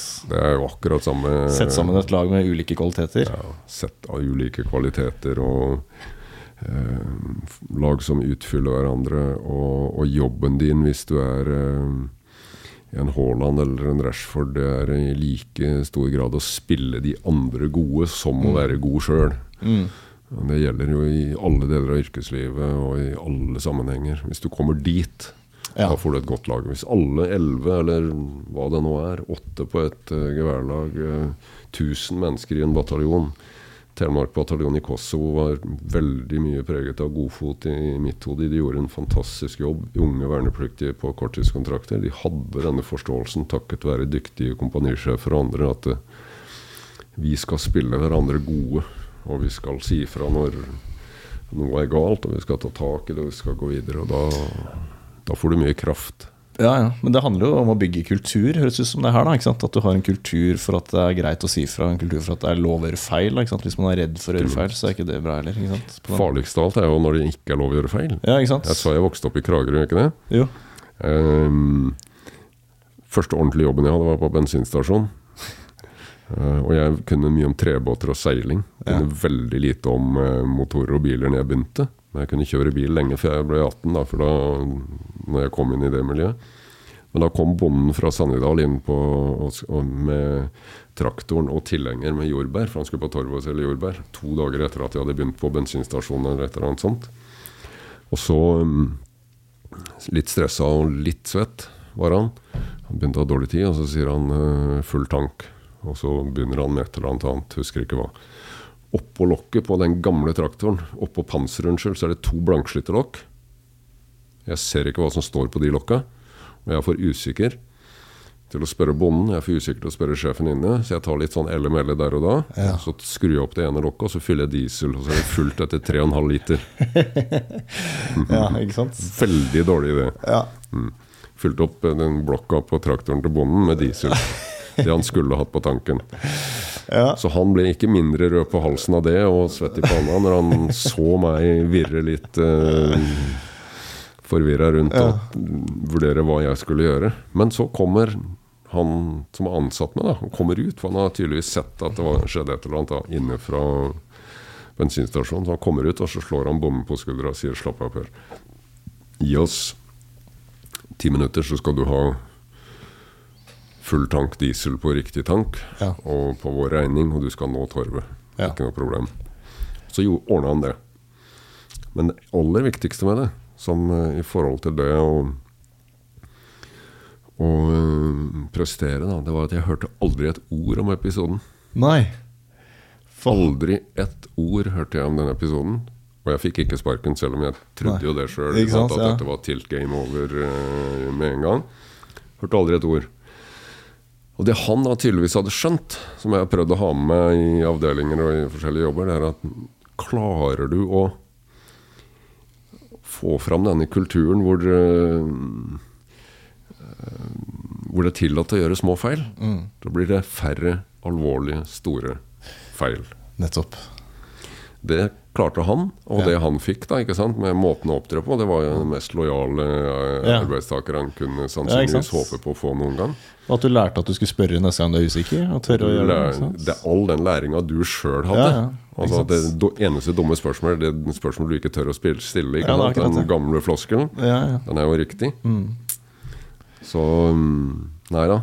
Det En kultur hvor det ikke er eh, lov å gjøre feil, den passiviserer, den undergraver effektivitet, og den eh, leder i det hele tatt i en veldig dårlig retning. Og det er en gjenganger fra de engasjementene jeg har i det offentlige, at her er vi, har vi å gjøre med et stort problem i det offentlige Norge, for det preges av Yes. detaljstyring. Det preges av regelstyring. Eh, medarbeidere på de aller fleste nivåene forteller om at de, de har bitte lite handlingsrom for å bruke Ja. dømmekraften sin. Eh, jobben er å følge reglene. Jobben er ikke å levere det noen Nei. trenger. Eh, Yes. Og det å gjøre feil, det er farlig. Um, og det fører selvfølgelig da til at man får en sånn vegring i forhold til å prestere, som er eh, Så Det er ukultur, det. det er ukultur, men tror du det er mer fryktkultur i det offentlige enn i næringslivet, altså? På en annen måte, tror jeg.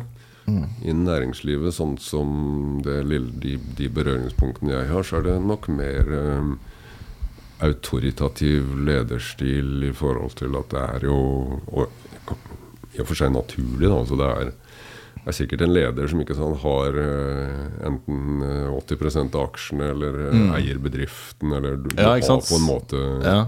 et helt annet eierforhold ja. Ja. enn en det du har i det offentlige. Og det fører vel til at du er litt mer selvbevisst på at her er det du som bestemmer. ja. Og så har du gode og dårlige ledere der òg. Mm. Det er noen fantastiske ledere som er karismatiske og lever i det jeg kaller hva- og hvorfor-rommet hele tida. Mm. Får organisasjonen sin til å forstå hva vi skal gjøre, hvorfor vi skal gjøre det. Og så Mm.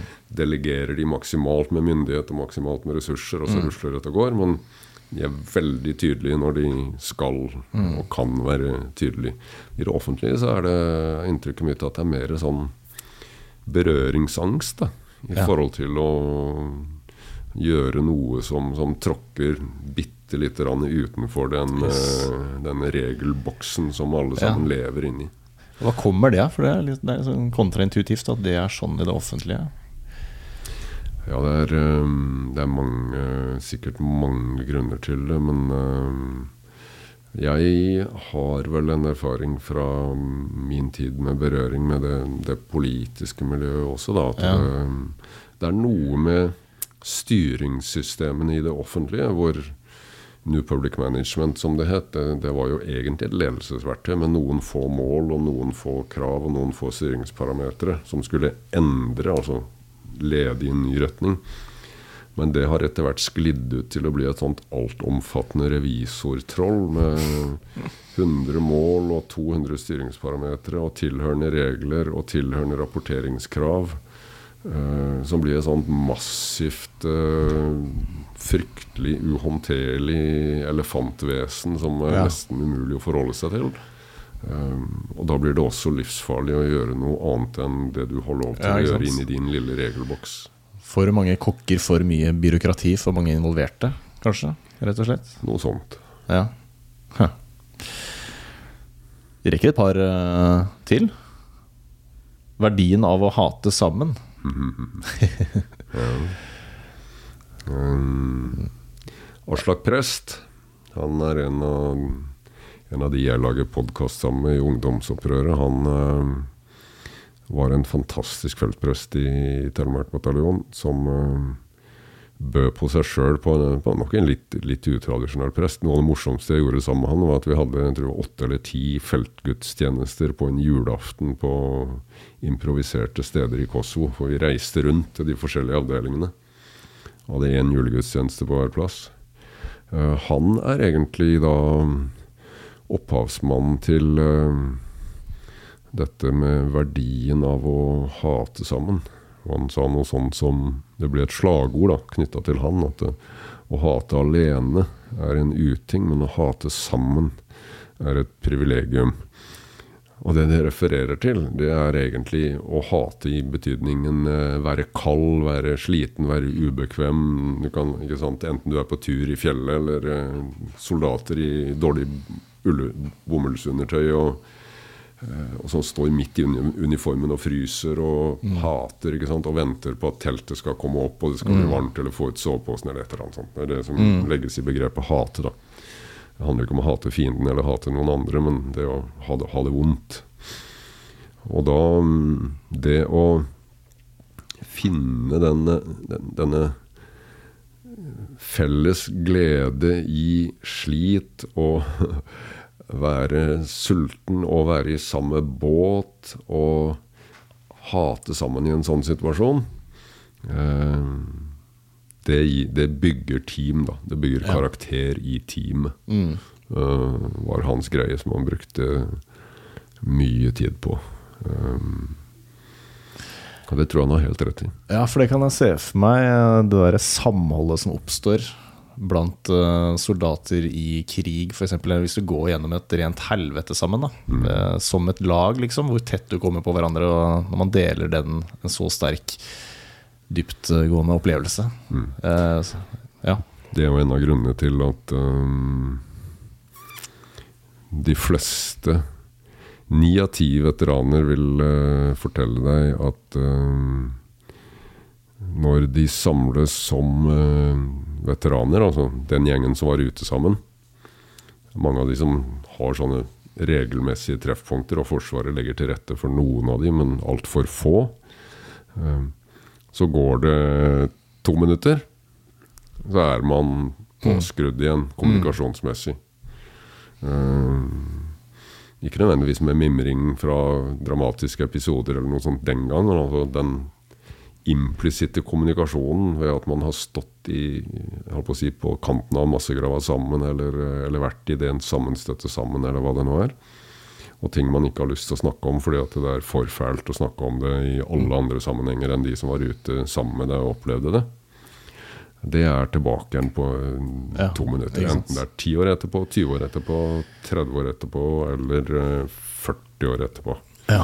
Um, så det dette fellesskapet som, som ligger der, um, det er veldig sterkt. Og det varer livet ut. Ja. Um, og du kan ikke sette deg ned sammen med den du bor sammen med og begynne å prate om en del av de heftige tingene du har Nei, har vært eh, med på ute. Det, eh, for det første skal du ikke forvente av partneren din at de klarer å sette seg inn i situasjonen. Du skal heller ikke forvente at de skal opprettholde noe voldsom interesse over det over tid. Mm. Da er det veldig viktig at disse, disse kameratnettverka tar vare på Ja, hverandre og møtes med andre Ja, ja. Det gir mening, det. altså Da, Men hvorfor tror du det er så mange veteraner som sliter med å komme tilbake til dagliglivet etter at de har opplevd traumatiske ting? da? Er, blir det kontrasten som er for stor? Liksom det å snakke om at eh, brødet er tørt, og så har du nettopp vært ute i krig og sett kameraten din dø, liksom. det er ikke så mange som sliter i, i prosent, da. Hvis vi tar det, bare tar det, det Ja, kort først. For det, hvis jeg, nå husker jeg ikke det oppdaterte tallet, men jeg vil tro det er rundt 120 000 eller noe sånt. Av veteraner fra internasjonale operasjoner. da. Jeg syns de er like gode veteraner, de som var med på den kalde krigen i nord, og ubåtoperasjoner og spesialoperasjoner og litt av hvert, så alle burde vært kalt veteraner, men det til side. Det er en sånn 120 000 siden krigen som har vært ute i internasjonale operasjoner. Så varierer tallene litt, avhengig av hvilke forskermiljøer du spør, men sånn mellom 5 og 10% har eh, plager som varer over tid. Det at du og jeg sover dårlig om natta første ukene, kanskje et par måneder etter at vi kommer hjem fra et dramatisk oppdrag, det er helt normalt. sant? Eh, Det at du kan ha et mareritt eller to eller tre eller fire, er også helt normalt. Alt det der er normale reaksjoner. Men så er det da noen som ikke hvor det roer seg ikke. da, ikke? Det blir, vei- det kanskje blir kanskje dypere etter hvert, og da er vi inne i den opp kanskje 10 mm. hvis du tar i litt, ned mot 5% hvis du tar de konservative anslagene. Og så har du en Sist jeg eh, kjente tallene fra noen år tilbake Jeg jobba jo som veteranivaretaker, veteraninspektør som det het, innimellom disse oppdragene i Midtøsten for en 10-15 år siden. Da var det vel ca. 3% som har en diagnose. Posttraumatisk stressyndrom. eh, Som har en alvorlig diagnose som krever oppfølging, krever behandling, og som kan være med deg i sannsynligvis resten av livet og alt dette her. Så de 90 pluss prosenta, da, de er jo ressurspersoner som går blant oss i alle deler av det norske samfunnet. Det er stortingspolitikere, det er bedriftsledere, det er hjelpepleiere, det er eh, alle yrkesgrupper. Når du går nedover Karl Johan en dag, så har du møtt 100 veteraner eh, hvis du rusler sakte og rolig nedover. Vellykka, veltilpassa mennesker som bidrar i samfunnet. Mange i frivillige organisasjoner. Fantastiske mennesker. Så er det da den biten som sliter. Og det kan være mange ting, da. Eh, noe av det Den enkle, enkleste forklaringen er jo rett og slett veldig sterke inntrykk. Veldig sterke traumatiske inntrykk. I en kampsituasjon. Kameraten din kan ha dødd. Eh, eh, Ihjelslåtte barn. Altså den type ting som du ikke da klarer av en eller annen grunn å bearbeide det ut av. Kanskje har du ikke vært flink nok til å snakke med de du var sammen med i en debrief etterpå. Kanskje har du ikke fått god nok oppfølging fra fagpersoner. Umulig å si. Og for en del så dukker det opp 10-15-20 år seinere, kanskje også i tilknytning til da en eller annen dramatisk hendelse i livet ditt. eh, Dødsfall i nær familie, skilsmisse, de tingene vi går gjennom helt naturlig alle sammen på før eller siden. Um, så det er flere årsaker til det. Jeg tror Hvis jeg skulle velge ut én en årsak-måte å jobbe med positivt med det på, så er det jo dette etterarbeidet som starter med en gang man har vært gjennom en, en episode av et eller annet slag. Hvor at de som var i episoden, må prate seg gjennom det og bli ferdig med bebreidelsen og bli enige om sånn noenlunde hva som skjedde. Og hvis de er uenige, være enige om å være uenige. Og så gjerne ha inn litt fagpersoner, og så at du har mulighet til å kontakte fagpersoner hvis du kjenner at her, eh, jeg trenger hjelp til å sortere en par ting, og nå, nå, nå er det for mye aggresjon overfor den jeg bor sammen med, og jeg tror kanskje det har en sammenheng med at jeg ikke får kvitta meg med det andre. Um, denne bearbeidingen med samtaler, fagpersoner, kameratprat og alt det der, uh, tror jeg er en uh, Hvis det mangler, så kan det fort bli veldig slitsomt. Hvis du er veldig bevisst på å få det, så kan det bli veldig bra. Og så til slutt så er det jo også interessant da at de, noen av de som sliter fra mm, internasjonale operasjoner, er jo ikke nødvendigvis de som har stått i kampoperasjoner. Det har vi sett fra Afghanistan, hvor jo okay.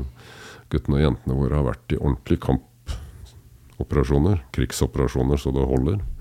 Um, men de som Da er vi tilbake til de som da hadde pakka sekken, og de kom seg opp. ikke sant? De kom i gang, de pakka sekken, de ble kjent med Gjorde frykten til sin venn, eh, for å gå til overskrifter i boka. Og de har vært gjennom sin helvetesuke, de har makkertjenesten på plass, de involverer, de tar inn forlaget. De er så godt samkjørte at de tar den gode debrifen med en gang. Eh, og så lagrer de det i den skuffen, og så prater de det kanskje om, om det på samlinga om ti år eller noe sånt. Eh, men det er på en måte helt greit, for treninga har satt de i stand til som individer og som lag å Ja. å- å leve med det. Mens de som har vært enkeltpersoner Det kan være mm, type funksjoner ute hvor du har som jobb å sitte være sidemann på lastebiler som kjører mil etter mil i Afghanistan og på en måte venter på IED-en. Venter på smellen. Ja. Eh, vi har også sett eh, eh, de som har jobba med administrasjon, transport inn, og logistikk inn i leir, som, hvor det sliter veldig for De får aldri på en måte utløsning for spenning, og de er ikke med i i, i det actionfylte, for å bruke et, mm. en litt sånn forslitt klisjé. Men de går bare og venter på, og får mer og mer sånn spenningsnivå. og- ja. Høye skuldre og spenning i kroppen på øh, når, når skjer det noe? Liksom, kommer jeg hjem i Til slutt så blir det sånn Kommer jeg hjem i live? Og slitasje ja. over det over tid, da. Ja, ikke sant? Så det er kanskje lettere å bearbeide de følelsene hvis man har opplevd de samme følelsene med en medsoldat da, enn alene. Absolutt. Ikke sant? Det laget som er godt trent, troppen, Ja. kompaniet som er godt trent sammen, Ja. kan snakke sammen, kan bearbeide Og så tipper jeg vel Forsvaret nå er mer, har mer fokus på dette enn for kanskje 50 år siden. Da. At det kan påvirke psyken til enkelte som er mer sårbare. At er- Veteranene er veldig flinke med hverandre. Eh, Jeg tror de også er blitt mer bevisst og flinkere på dette kameratnettverket. Og så har vi fått noen digitale verktøy som kommer. Forsvaret har en fantastisk eh, institusjon inne på Bæreia som man tenkte å selge for 15 år siden, men som vi heldigvis berga. Som er et sånt veterantreffsted. Og Forsvaret har nå mye bedre rutiner på dette. Men det, det er viktig at det ikke blir en sovepute for de veteranene som kom fra Libanon, eller før det fra Gaza, og, og så har vi Irak, vi hadde folk i Somalia, Kongo eh, ja, Balkan på 90-tallet. Der var det mye heftige saker for en del mindre grupper, eh, osv., osv. Um, det, det endrer seg hele tida. Mm. Man må ikke tro at jobben er gjort. Jeg tror Afghanistan-veteranene, som de som dro ut først der, de er vel nå 30, mellom 30 og 40 år. Om ti år så er de mellom 40 og 50 og midt i livet på, i en del andre settinger. Og alt det der, og de har behov for eh, kanskje enda mer eh, tilbud og kameratnettverk og tilbud og oppfølging fra Forsvaret enn det de hadde, de som eh, dro til juni, kom tilbake fra Junifyll f.eks. Mm. Så jobben er ikke gjort. Nei, nettopp. Så det er i hvert fall en verdi av å hate sammen. Og um, jeg tenker hvis du har en, en usunn bedriftskultur da, med dårlig samhold, så må man kanskje slutte med de der litt sånn kleine kreative workshopene og heller liksom kjøre en sånn helvetesuke, nær sagt, da, hvor du går litt ned i kjelleren og blir ordentlig sliten. og at det kan skape, skape samhold. da. Jeg har mye mer tro på å ta med Ta med avdelingen sin og medarbeiderne sine på Altså, det behøver ikke være lang tur i fjellet med tung sekk og dårlig smurte ski og snøhule og, og sånt, eller på, på sommeren, men gjerne det. Mm.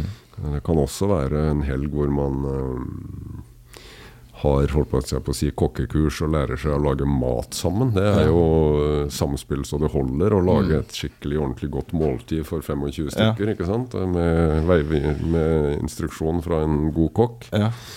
Det er like mye samspill og lagspill det som Ja.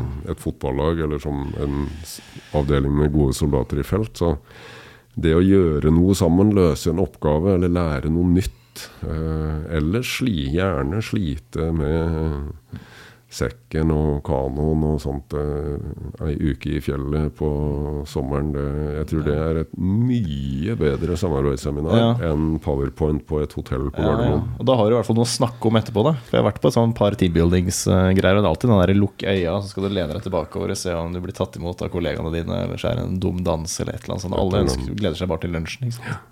Ja. Eh, Du skriver eh, 'lær deg kartet'. Hva er forskjell på 'lær deg kartet' og 'pakk sekken'? Lær deg kartet handler for meg om uh, å være bevisst hvor du er, da. Uh, å pakke sekken det er på en måte å fylle på med kompetanse og ferdigheter og trening og, og det der. Men så lære deg kartet, det er at du må Hvis du skal komme noe sted i det hele tatt med velpakka sekk, så må du vite hvor du er når du starter. Det er det med å lære seg kartet. Og det, det er egentlig fra kart og kompass i fjellet da, når snøstormen kommer, og du må gå sånn på skyggen av han foran, ikke sant? Mm. på kompasskurs. Hvis du da har bestemt deg for at du setter kryss på kartet, at, at du er der når du begynner å gå, kompasskurs mot riktig punkt, men i realiteten er en kilometer lenger øst, så kan du gå deg ned i elva. Og da kommer du iallfall aldri fram. Så betydningen av å vite akkurat hvor du er for å komme fram, eh, det er eh, det viktigste med å lære seg kart. Og det, det er jo det er så viktig i mange sammenhenger, da, for det handler også om denne kulturforståelsen som vi snakka om, det grønne lommetørkleet, fotsålen, respekt for hvordan man ter seg i en, i en, når du skal på besøk til en muslimsk familie i et eller annet sted i Midtøsten. Alt dette her. Men også for Norge, da. Hvis vi tillater oss å gå sånn litt opp i det store. eh, hvor, hvor ofte hører vi ikke at Norge er et lite land? Det er jo ren bløff. Det er ren villedning. Norge er et av verdens største land. Norge har verdens nest lengste kyststripe. Sjøterritoriet som er sju ganger større enn eh, landterritoriet. Og vi har ansvar for oppimot 30% av energiforsyningen til Europa når det gjelder den strategiske betydningen. Så når vi hører, når politikere og andre sier at Norge er et lite land, så er det som en unnskyldning for at vi ikke gjør det vi burde gjøre. Eller Ja, at vi ikke får til det vi syns vi burde få til. Det er et godt poeng. Ja. Det er ikke en sånn avstand fra Lindesnes til Tromsø er fra, samme som fra Lindesnes til Italia eller et eller annet sånt. Det er, det er det liksom- er ganske langt, det landet vårt. Stikker du en nål i nederst i Norge og snurrer det, så havner du i Roma til Ja, det er noe logikken, med det, ikke sant. som vi kjenner til. Så um, Og så jobber vi selvfølgelig da med dette selvbildet vårt, ikke sant, hvor vi jo mener at Norge er et um, velmenende, gavmildt uh, folk i pakt med naturen, som gjør alt det riktige og deler ut Nobels fredspris og alt dette her. Men kanskje burde vi en gang imellom også um, se på hvordan vi beholder, behandler urfolket vårt. F.eks. hvordan vi behandler samer i forbindelse med vindkraftutbygging. Ref den der protesten som skjer nå, kanskje? Fosen-saken, eller? hvor de Ja. har jo faktisk en veldig god sak. Uh, hvis Den har jeg ikke satt meg helt inn i, men det er altså Greta Thunberg og Ja, sammen Thunberg kommer jo inn nå på slutten. Dette Ja, er jo Reindriftssamene og Natur og Ungdom som påpeker at uh, staten følger dårlig opp uh, dommen i Høyesterett. For det kom en dom i Høyesterett Det kom en dom i Høyesterett om at disse vindmøllene var plassert ulovlig. Som sier at disse vindmøllene de gir en eh, uakseptabel negativ gevinst for, eller, påvirkning for da, reindriftområdene i, i dette området her. Så det er en dom som går i reineiernes favør. Eh, men så er, det, så er det en bit der som sier at uh, den negative effekten over tid er det viktigste her. Og da skal regjeringen da bruke et par år på utredninger og finne ut, uh, kartlegge, og, og, og, viktig nok, helt sikkert det, mm. hvordan dette skal gå. Og så er det da Natur og Ungdom og reineierne og aktivistene som er veldig misfornøyd med dette. Og ute i verden Hvis dette hadde vært i et lite land på, helt, på andre siden av kloden hvor en regjering da setter seg over sin egen høyesterett. Ja. Uh, ja, I implementering av uh, noe som et urfolk har fått medhold i. Uh, så ville det jo vært store krigsoverskrifter og, i alle norske ja, medier. Det er et godt poeng, ja. Og, og politisk, politikere hadde da foreslått umiddelbart urfolkslederen på det aktuelle stedet som kandidat til Nobels fredspris. ikke sant? Mm. Men fordi det skjer i Norge, mm. så er vi så vant til at det er litt sånn friksjon med disse her samene. Så de er jo egentlig ikke ekte urfolk på samme måte som uh, urfolk i Brasil eller rohingyaer mm. eller noe sånt. Så det er liksom noe annet. Ja, ikke sant? Ja, men det er ikke det. Altså, det er noe med den der bjelken i eget øye, og så skal ja. vi ikke snakke om at vi uten å ville det har vel egentlig blitt litt krigsprofitør og, og litt sånt oppi det hele. Det, det kan vi jo egentlig ikke noe for, men Kanskje kunne vi da bruke den profitten til uh, noe positivt uh, i et gjenoppbyggingsfond f.eks. Tenk på det vi har tjent på gassen vi har eksportert uh, nå. ja. Masse store ekstrainntekter. Men istedenfor å si at ja, da tar vi 75% av ekstrainntektene vi får som en konsekvens av alt som har skjedd rundt energi i Europa, og setter det i et gjenoppbyggingsfond for Ukraina, som de ja. kan disponere på lang sikt innenfor visse kriterier. Istedenfor å gjøre det, så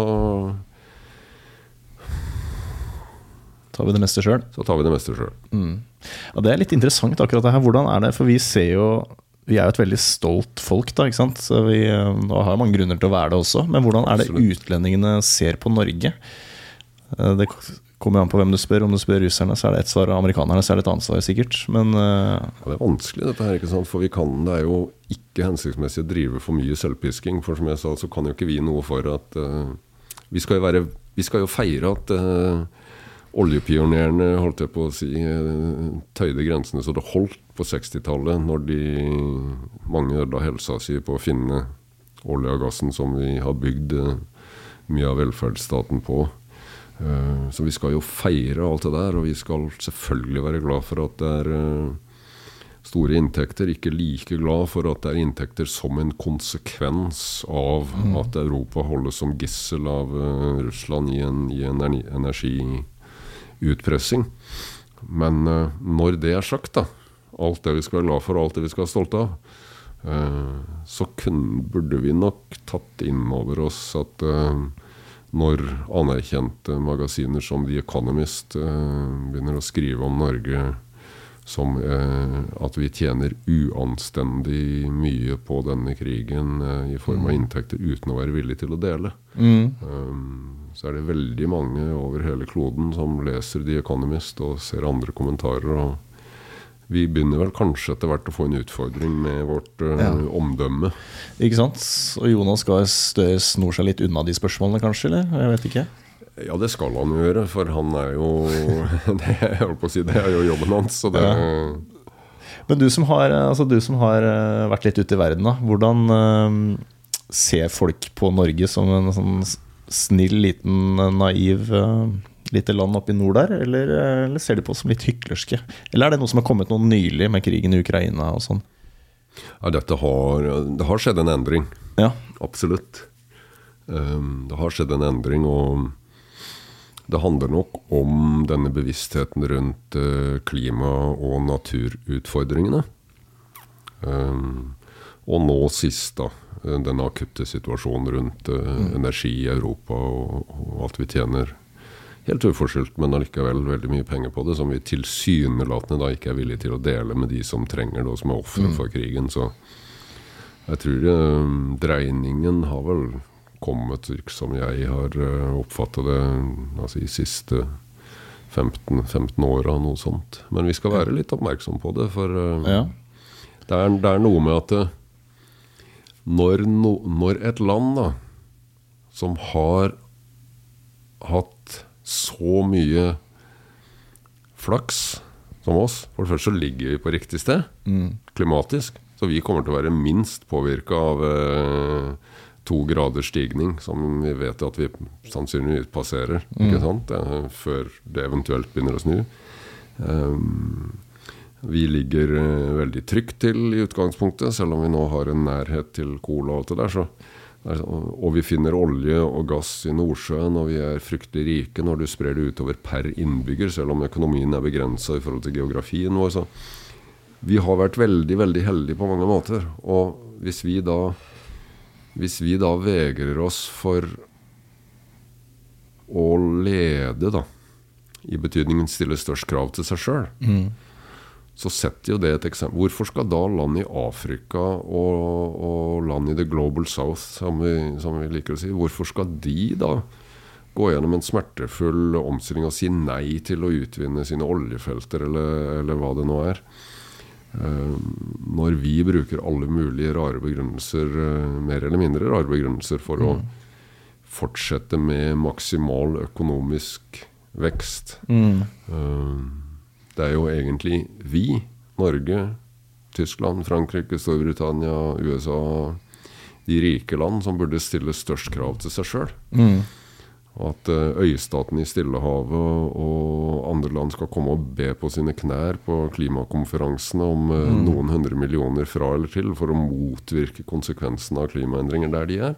Ja. Det er jo egentlig absurd. Ja. Eh, det burde jo de store landene her, som nå har altså bygd sin velferd, bygd sin rikdom, bygd alle de godene vi omgir oss med, på karbont drivstoff. Mm. Det burde jo, vi burde jo gå fremst med å stille krav til oss sjøl. Ja. Og vi burde bruke rikdommen vår til å stimulere omstilling og Ja. videreutvikling i de landa som ikke har tatt del i den reisen. Ja. Så det er noe med omdømmet her som, som er, er fryktelig alvorlig på en måte òg, fordi at eh, når Putin snakker, så snakker jo ikke han lenger til eh, Europa og til Nato og til USA og, sånn. Han snakker jo til de 85% andre. Så Vesten er bare ca. 15% av verdens befolkning. Han snakker jo til de andre som sitter på gjerdet. Og da tar du, tar du Kina og India, så har du bare der tett på tre milliarder mennesker. Ja. Så kan du ta med de tett på 20 landene i Afrika som avsto fra å fordømme um, Russlands krig i FNs sikkerhetsråd nå nylig. Um, så har du en del store land i, også i Sør-Afrika. Du har Sør-Afrika der, og du har du på Brasil også avsto. Husker ikke helt i farta, men uh, det, er jo, det er jo de, de landa som Putin og hans Mm, krets snakker til. til. Ja. Det er de han ønsker skal tvile på Vestens verdier, tvile på Vestens gode intensjoner. Eh, og derav da reiser Lavrov på frierferd til de afrikanske land og, og alt dette som skjer. Uh, så det er også en, en um, Det handler om, selvfølgelig om Vesten og de liberale demokratiene og hvordan vi ter oss, og om vi stiller krav til oss sjøl, og om vi leder i betydningen legger til rette og, og drar dette større fellesskapet opp. Men det handler også da om hvordan vi eh, ser ut blant disse 85 ja, andre der ute. Ja, Dette er veldig interessant. For jeg snakker om det klimaspørsmålet. Så er det jo mye snakk om liksom, ja, om det er kullkraftverk i Tyskland, og Kina har mange kullkraftverk de må legge ned. Skal vi klare å nå disse målene? Men eh, stiller vi ofte nok spørsmålet er, gjør vi nok sjøl? Og se oss selv i speilet? Det er ikke så mye snakk om det i media, hva vi gjør for å løse klimakrisen. Hvor flinke vi er sjøl.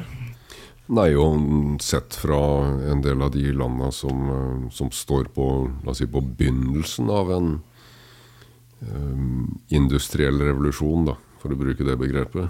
eh, en utvikling, da. sett fra deres ståsted, så burde jo vi etablere fond som gjorde det mulig for de å etablere et velferdssamfunn uten å måtte gå via karbonalderen. Ja, ikke sant? Ja. Hoppe over det leddet. Bare mangle. Er, vi er jo så rike som vi er på grunn av. Ja, ja, ikke sant?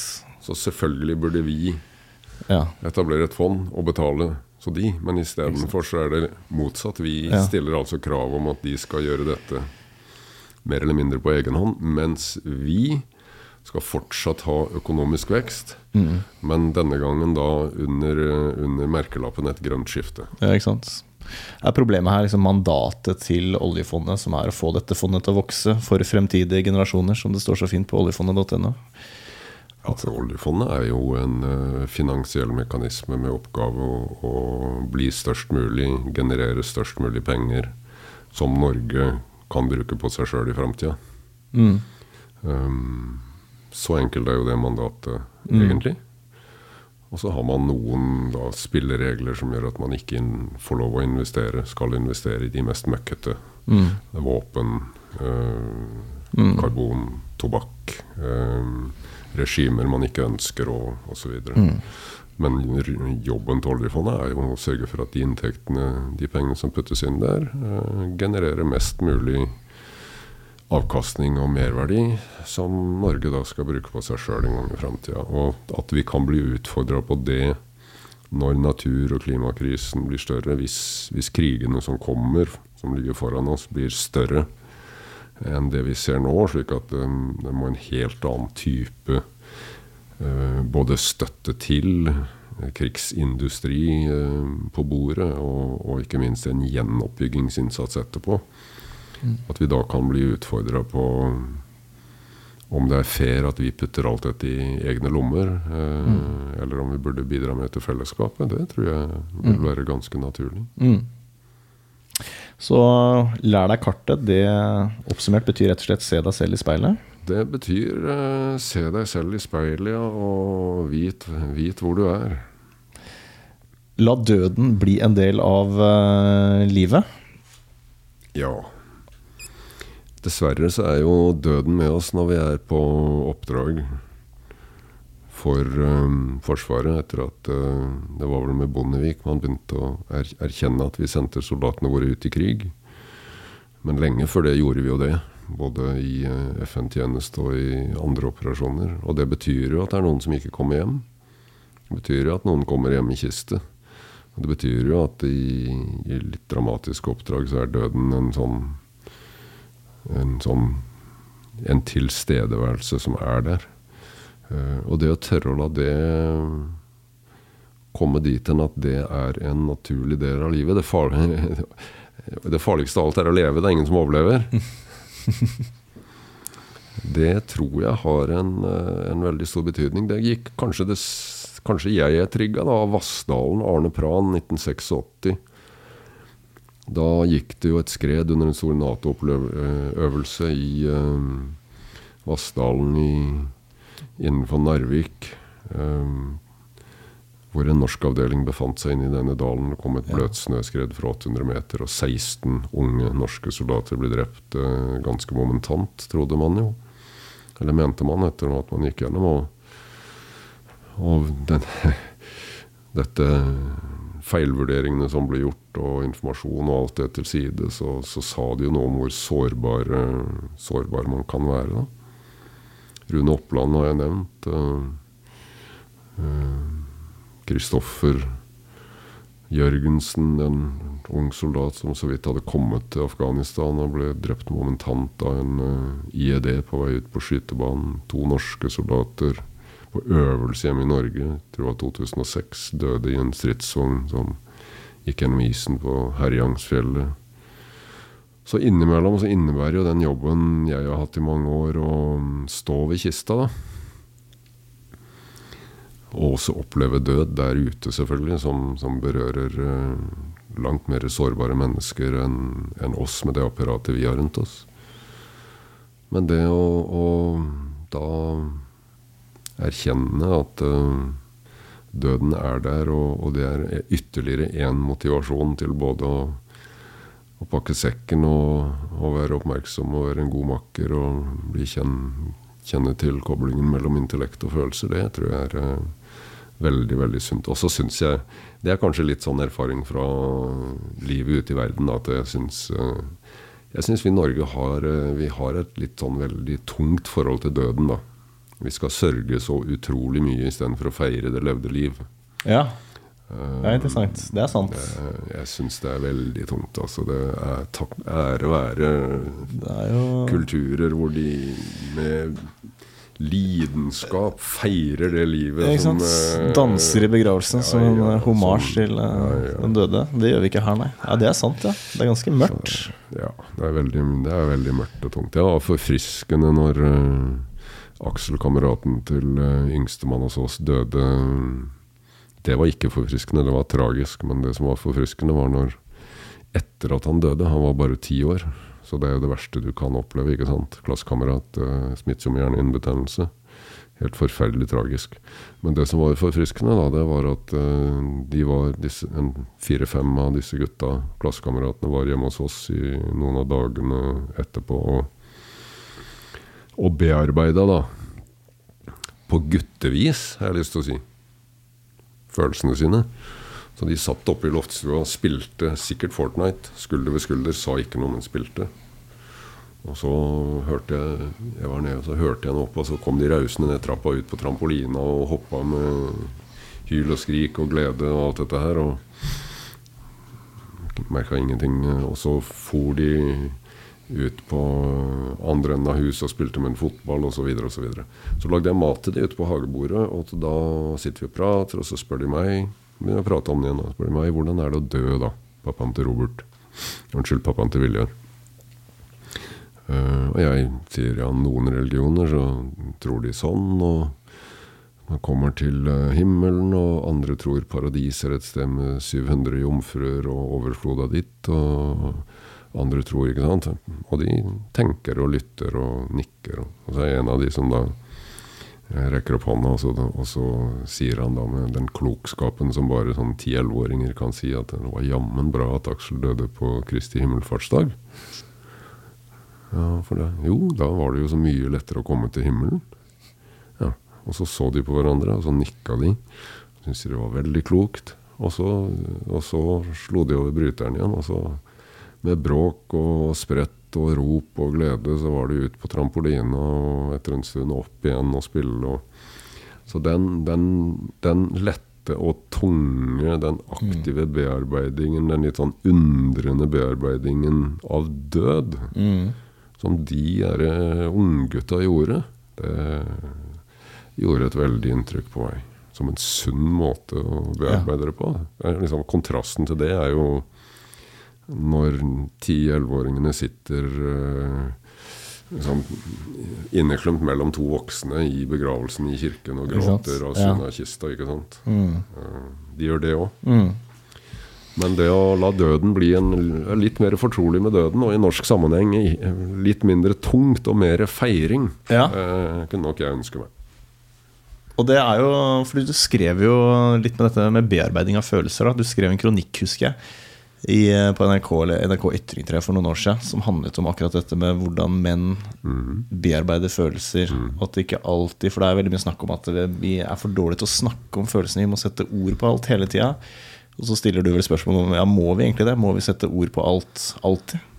Ja, jeg tror vi, jeg tror vi, vi presser en del uh, unge gutter inn i vonde hjørner som, som kan være destruktive for de ved tilnærmingen vår. For hele samfunns, samfunnstonen har vært eh, snakke, snakke, snakke først, og så gjøre, eventuelt. Det gutter trenger i veldig mange sammenhenger, det er å gjøre først. Så snakke, og så gjøre, og så snakke, og så gjøre. Gjerne i den rekkefølgen. Eh, Så de har Det er forskjell på gutter og, og jenter og andre legninger. Det er forskjell på hvordan vi bearbeider ting. Men for gutter er det veldig dette at man, de har behov for det å gå uten Du og jeg, hvis vi har opplevd noe fryktelig sammen, eller eh, noe sånt Å gå til, eh, hvis vi er turmennesker begge to, å gå uten å si et ord til fjelltoppen. Mm. i seks timer, og så dele Kvikk Lunsjen og, og toddyen, og så rusle ned igjen og dusje og si takk for Det er liksom den bearbeidinga vi trenger, ikke sant? Nesten. Men iallfall gjøre først. Snakke Ja. etterpå. Ja, ok, det er interessant. Um, det, er, det er for meg noe jeg, jeg syns uh, det er så lett å se i det norske samfunnet. Da de Når du har en vanskelig gutt i en klasse som hopper opp på pulten og hiver PC-en i gulvet, um, i sinne er opprørt over et eller annet osv., og, så videre, og så liksom, og så skal, skal læreren da ha, ha Per, tilfeldig navn, til å dette må vi snakke om, og så er det Lise og Else og, Mona på fremste pult. ikke sant? De, de snakker jo lett og uanstrengt med en gang, de, om at eh, vi har jo regler om at sånn skal vi ikke oppføre oss, og litt av hvert sånt. Men det gjør jo bare han som hoppa opp på pulten og hev PC-en i gulvet, enda mindre. Mm. Han blir enda sintere. Men hvis isteden læreren eller en hjelpelærer hadde slått armen rundt skuldra på han og sagt 'kom nå ta vi en tur ut i ballbingen', Mm. så går du ut i ballbingen da en halvtime. Da kommer praten gjerne etter hvert. Den. Ja, ikke sant? Kommer Ja. den litt av seg sjøl. Ja. Gjøre først, prate ja, etterpå. Det er liksom vår greie. ja. Og det undervurderer vi. At de forskjellene er der. Veldig interessant. Du lagde også et veldig fint bilde på det i den artikkelen, hvis jeg husker det er riktig. da, for jeg synes jeg leser, Men det var en jeger eller en fyr som hadde måttet, som skjøt bikkja si, da, ikke sant? og det er en veldig traumatisk opplevelse. Eh, og hadde med seg en kompis, de satt på en eller annen benk og så utveksla et og annet ord hvert kvarter. Men eh, han, de hadde hverandre, da, det var kanskje poenget ditt. Jeg gjenforteller dette veldig dårlig, men jeg bare husker at du lagde et veldig fint bilde på det. Og jeg tenkte ja, det her gir mening, liksom. Det handler mer om å ha en kompis ved siden av deg som skjønner hva du går gjennom, heller enn å prate om det time etter time. Da. Det er riktig. Bålpraten, det. Avliving av bikkje.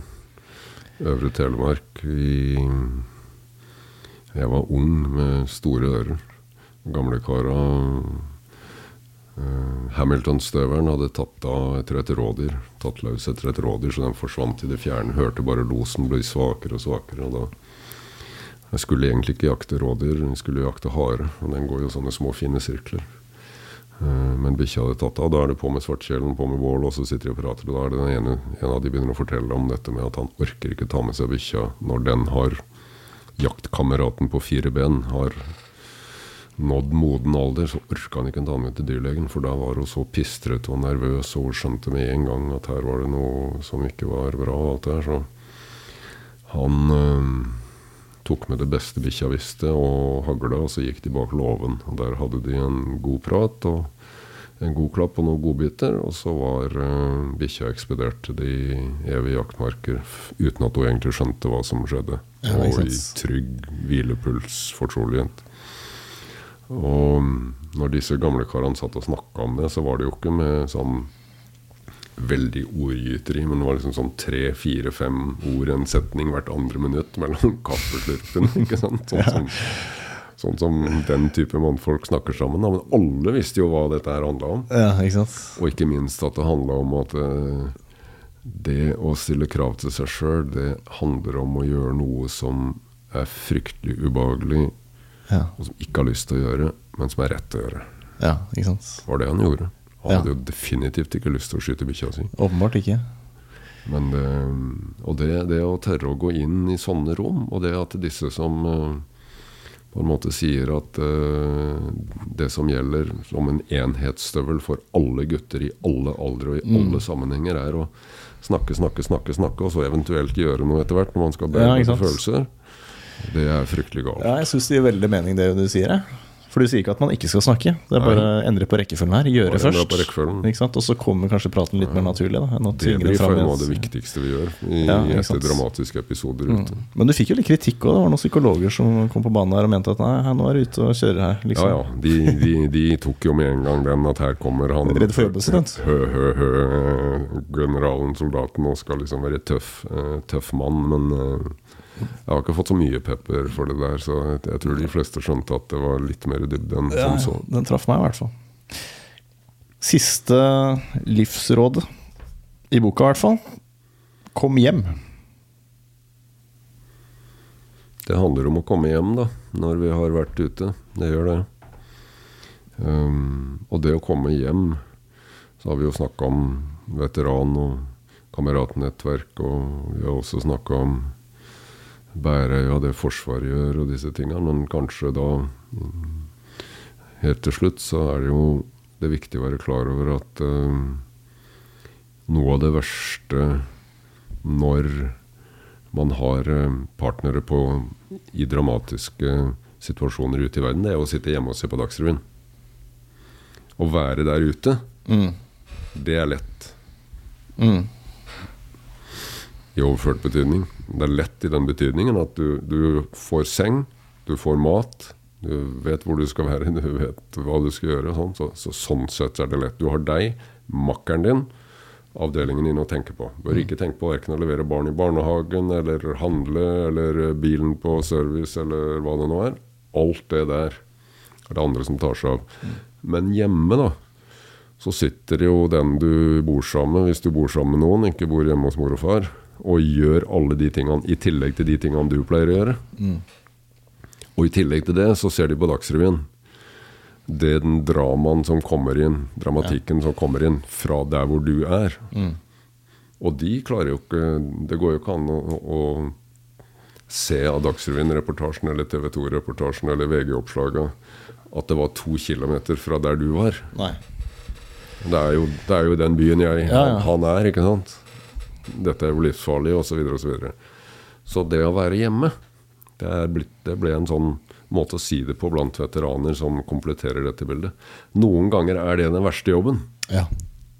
Så det å tørre å Tørre, men kanskje enda mer klare å være litt ydmyk når man kommer hjem, for å komme helt hjem, det kan handle om, i veldig stor grad, å passe på å ha med seg den mentaliteten at eh, den de som har vært hjemme, har i de fire, seks, tolv månedene jeg har vært ute, kanskje hatt en enda verre jobb enn meg. Mm. I den betydningen. Det er viktig, for da blir det mindre friksjon. Det blir mye lettere å tilpasse. Det blir mye lettere å, å gå videre, da. Mm. Um, så det tror jeg det har jeg erfart er uh, en viktig bit. Og så har du da selvfølgelig det offentlige Norge og kampen mot vindmøller for å få uh, erstatning fra Statens pensjonskasse og litt sånt, som man, uh, de veteranene som har spesielle behov, uh, sliter med. Men det er et pågående arbeid som, som Forsvaret ikke har lov til å slippe tak i, og som bare Nei. må holdes i gang hele tida. Men jeg tror kanskje å komme hjem i denne sammenhengen, for meg, det viktigste er å tenke at de som har vært hjemme, har hatt eh, kanskje en like tøff jobb for meg i Ja. som meg i overført betydning. Og hvis jeg kommer hjem med den ydmykheten istedenfor å bli kjempeirritert over at jeg får kjeft for at jeg har glemt å handle noe, eller eh, et, vekker hun eller han om natta av et mareritt eller noe til å begynne med, så tror jeg det kan gå veldig mye bedre. Ikke sant? Men Åssen takla du den overgangen sjøl, da? Fra å være operativ der ute til å komme hjem til uh... Ja, da må du spørre kona, da. Ja. Ehm, jeg husker jo jeg hadde noe Jeg husker ikke egentlig hvilket oppdrag det var. Jeg har vært ute mange turer, men jeg husker at jeg hadde noe mareritt. Eh, det er godt mulig det var Syria, faktisk, for der var det en del hendelser som var litt heftige. Um, um, men min måte, da, som også egentlig er litt slitsom, tror jeg, fordi jeg bor sammen innimellom, er vel mer fysisk trening, mer aktivitet, eh, og den måten å avreagere på, da. Men jeg er eh, helt sikkert ikke Eller jeg vel Jeg tror jeg er blant de mindre flinke til å prate ja. sånn med den jeg bor sammen med. Om det du har opplevd, liksom? Eller? Ja, men jeg, Ja. jeg tror jo også ikke de er veldig interessert i å høre om det Nei. etter så veldig mange minutter. Så jeg er nok av de også som møter veterankamerater med jevne Ja. mellomrom. og Få bearbeida det der, liksom? Som vi snakka om. er det Ja. Ja. Ikke sant? Du, da var vi gjennom eh, ti råd for livet, da. Se det. Boka di er, hvis folk har hørt på den og har lyst til å lese hele, den er fortsatt til salgs. Den. og også som lydbok. Og du leser den sjøl, det er veldig bra. Jeg leser sjøl. Jeg syns det var også litt artig, da. Prøve, apropos å prøve noe nytt. Ja, ikke sant? Du har jo veldig sånn radiostemme. da, En dyp røst. og Behagelig å høre på. Ja, fin. Bra. Anbefales. Absolutt, det gjør den. Kan jeg bare si. Og så har du skrevet flere. Vi kan jo nevne det. Du har eh, Jeg har skrevet en bok før der som, er, eh, som heter 'Ansvar', som er uh, uh, mer en ledelsesbok, da. Ok, ja. Som drøfter gjennom forskjellige ledelsesformer. Mens, Og det, det var egentlig det som trigga denne boka også, for jeg, jeg brukte et års tid etter at jeg hang av meg uniformen på å skrive boken 'Ansvar', som handler om lederskap, ledelse, hva som ledelsesprinsipper og den type ting, med masse episoder og sånn, hva vi har lært. da. Men, eh, og når jeg var ferdig med den, og fikk også mye tilbakemeldinger, så, så te, modna jeg etter hvert på at det, det mangler en bit, og det er å lede seg sjøl. ja. Så sånn ble den til, da. Nettopp, den boka her. Ja. Eh, Er det flere bokprosjekter eh, på gang, eller? Jeg har lyst til å skrive flere bøker. Og jeg er veldig aktiv i både jobb og, og med litt frivillighet, så akkurat nå får jeg ikke brukt så mye tid på å skrive, men jeg har lyst til å skrive både om Midtøsten og om situasjonen Norge er oppe i med forskjellige innfallsvinkler, så Spennende. vi får se. Ja, Og så er du ganske aktiv på Twitter. Mitt å følge deg der. Der er litt aktivitet.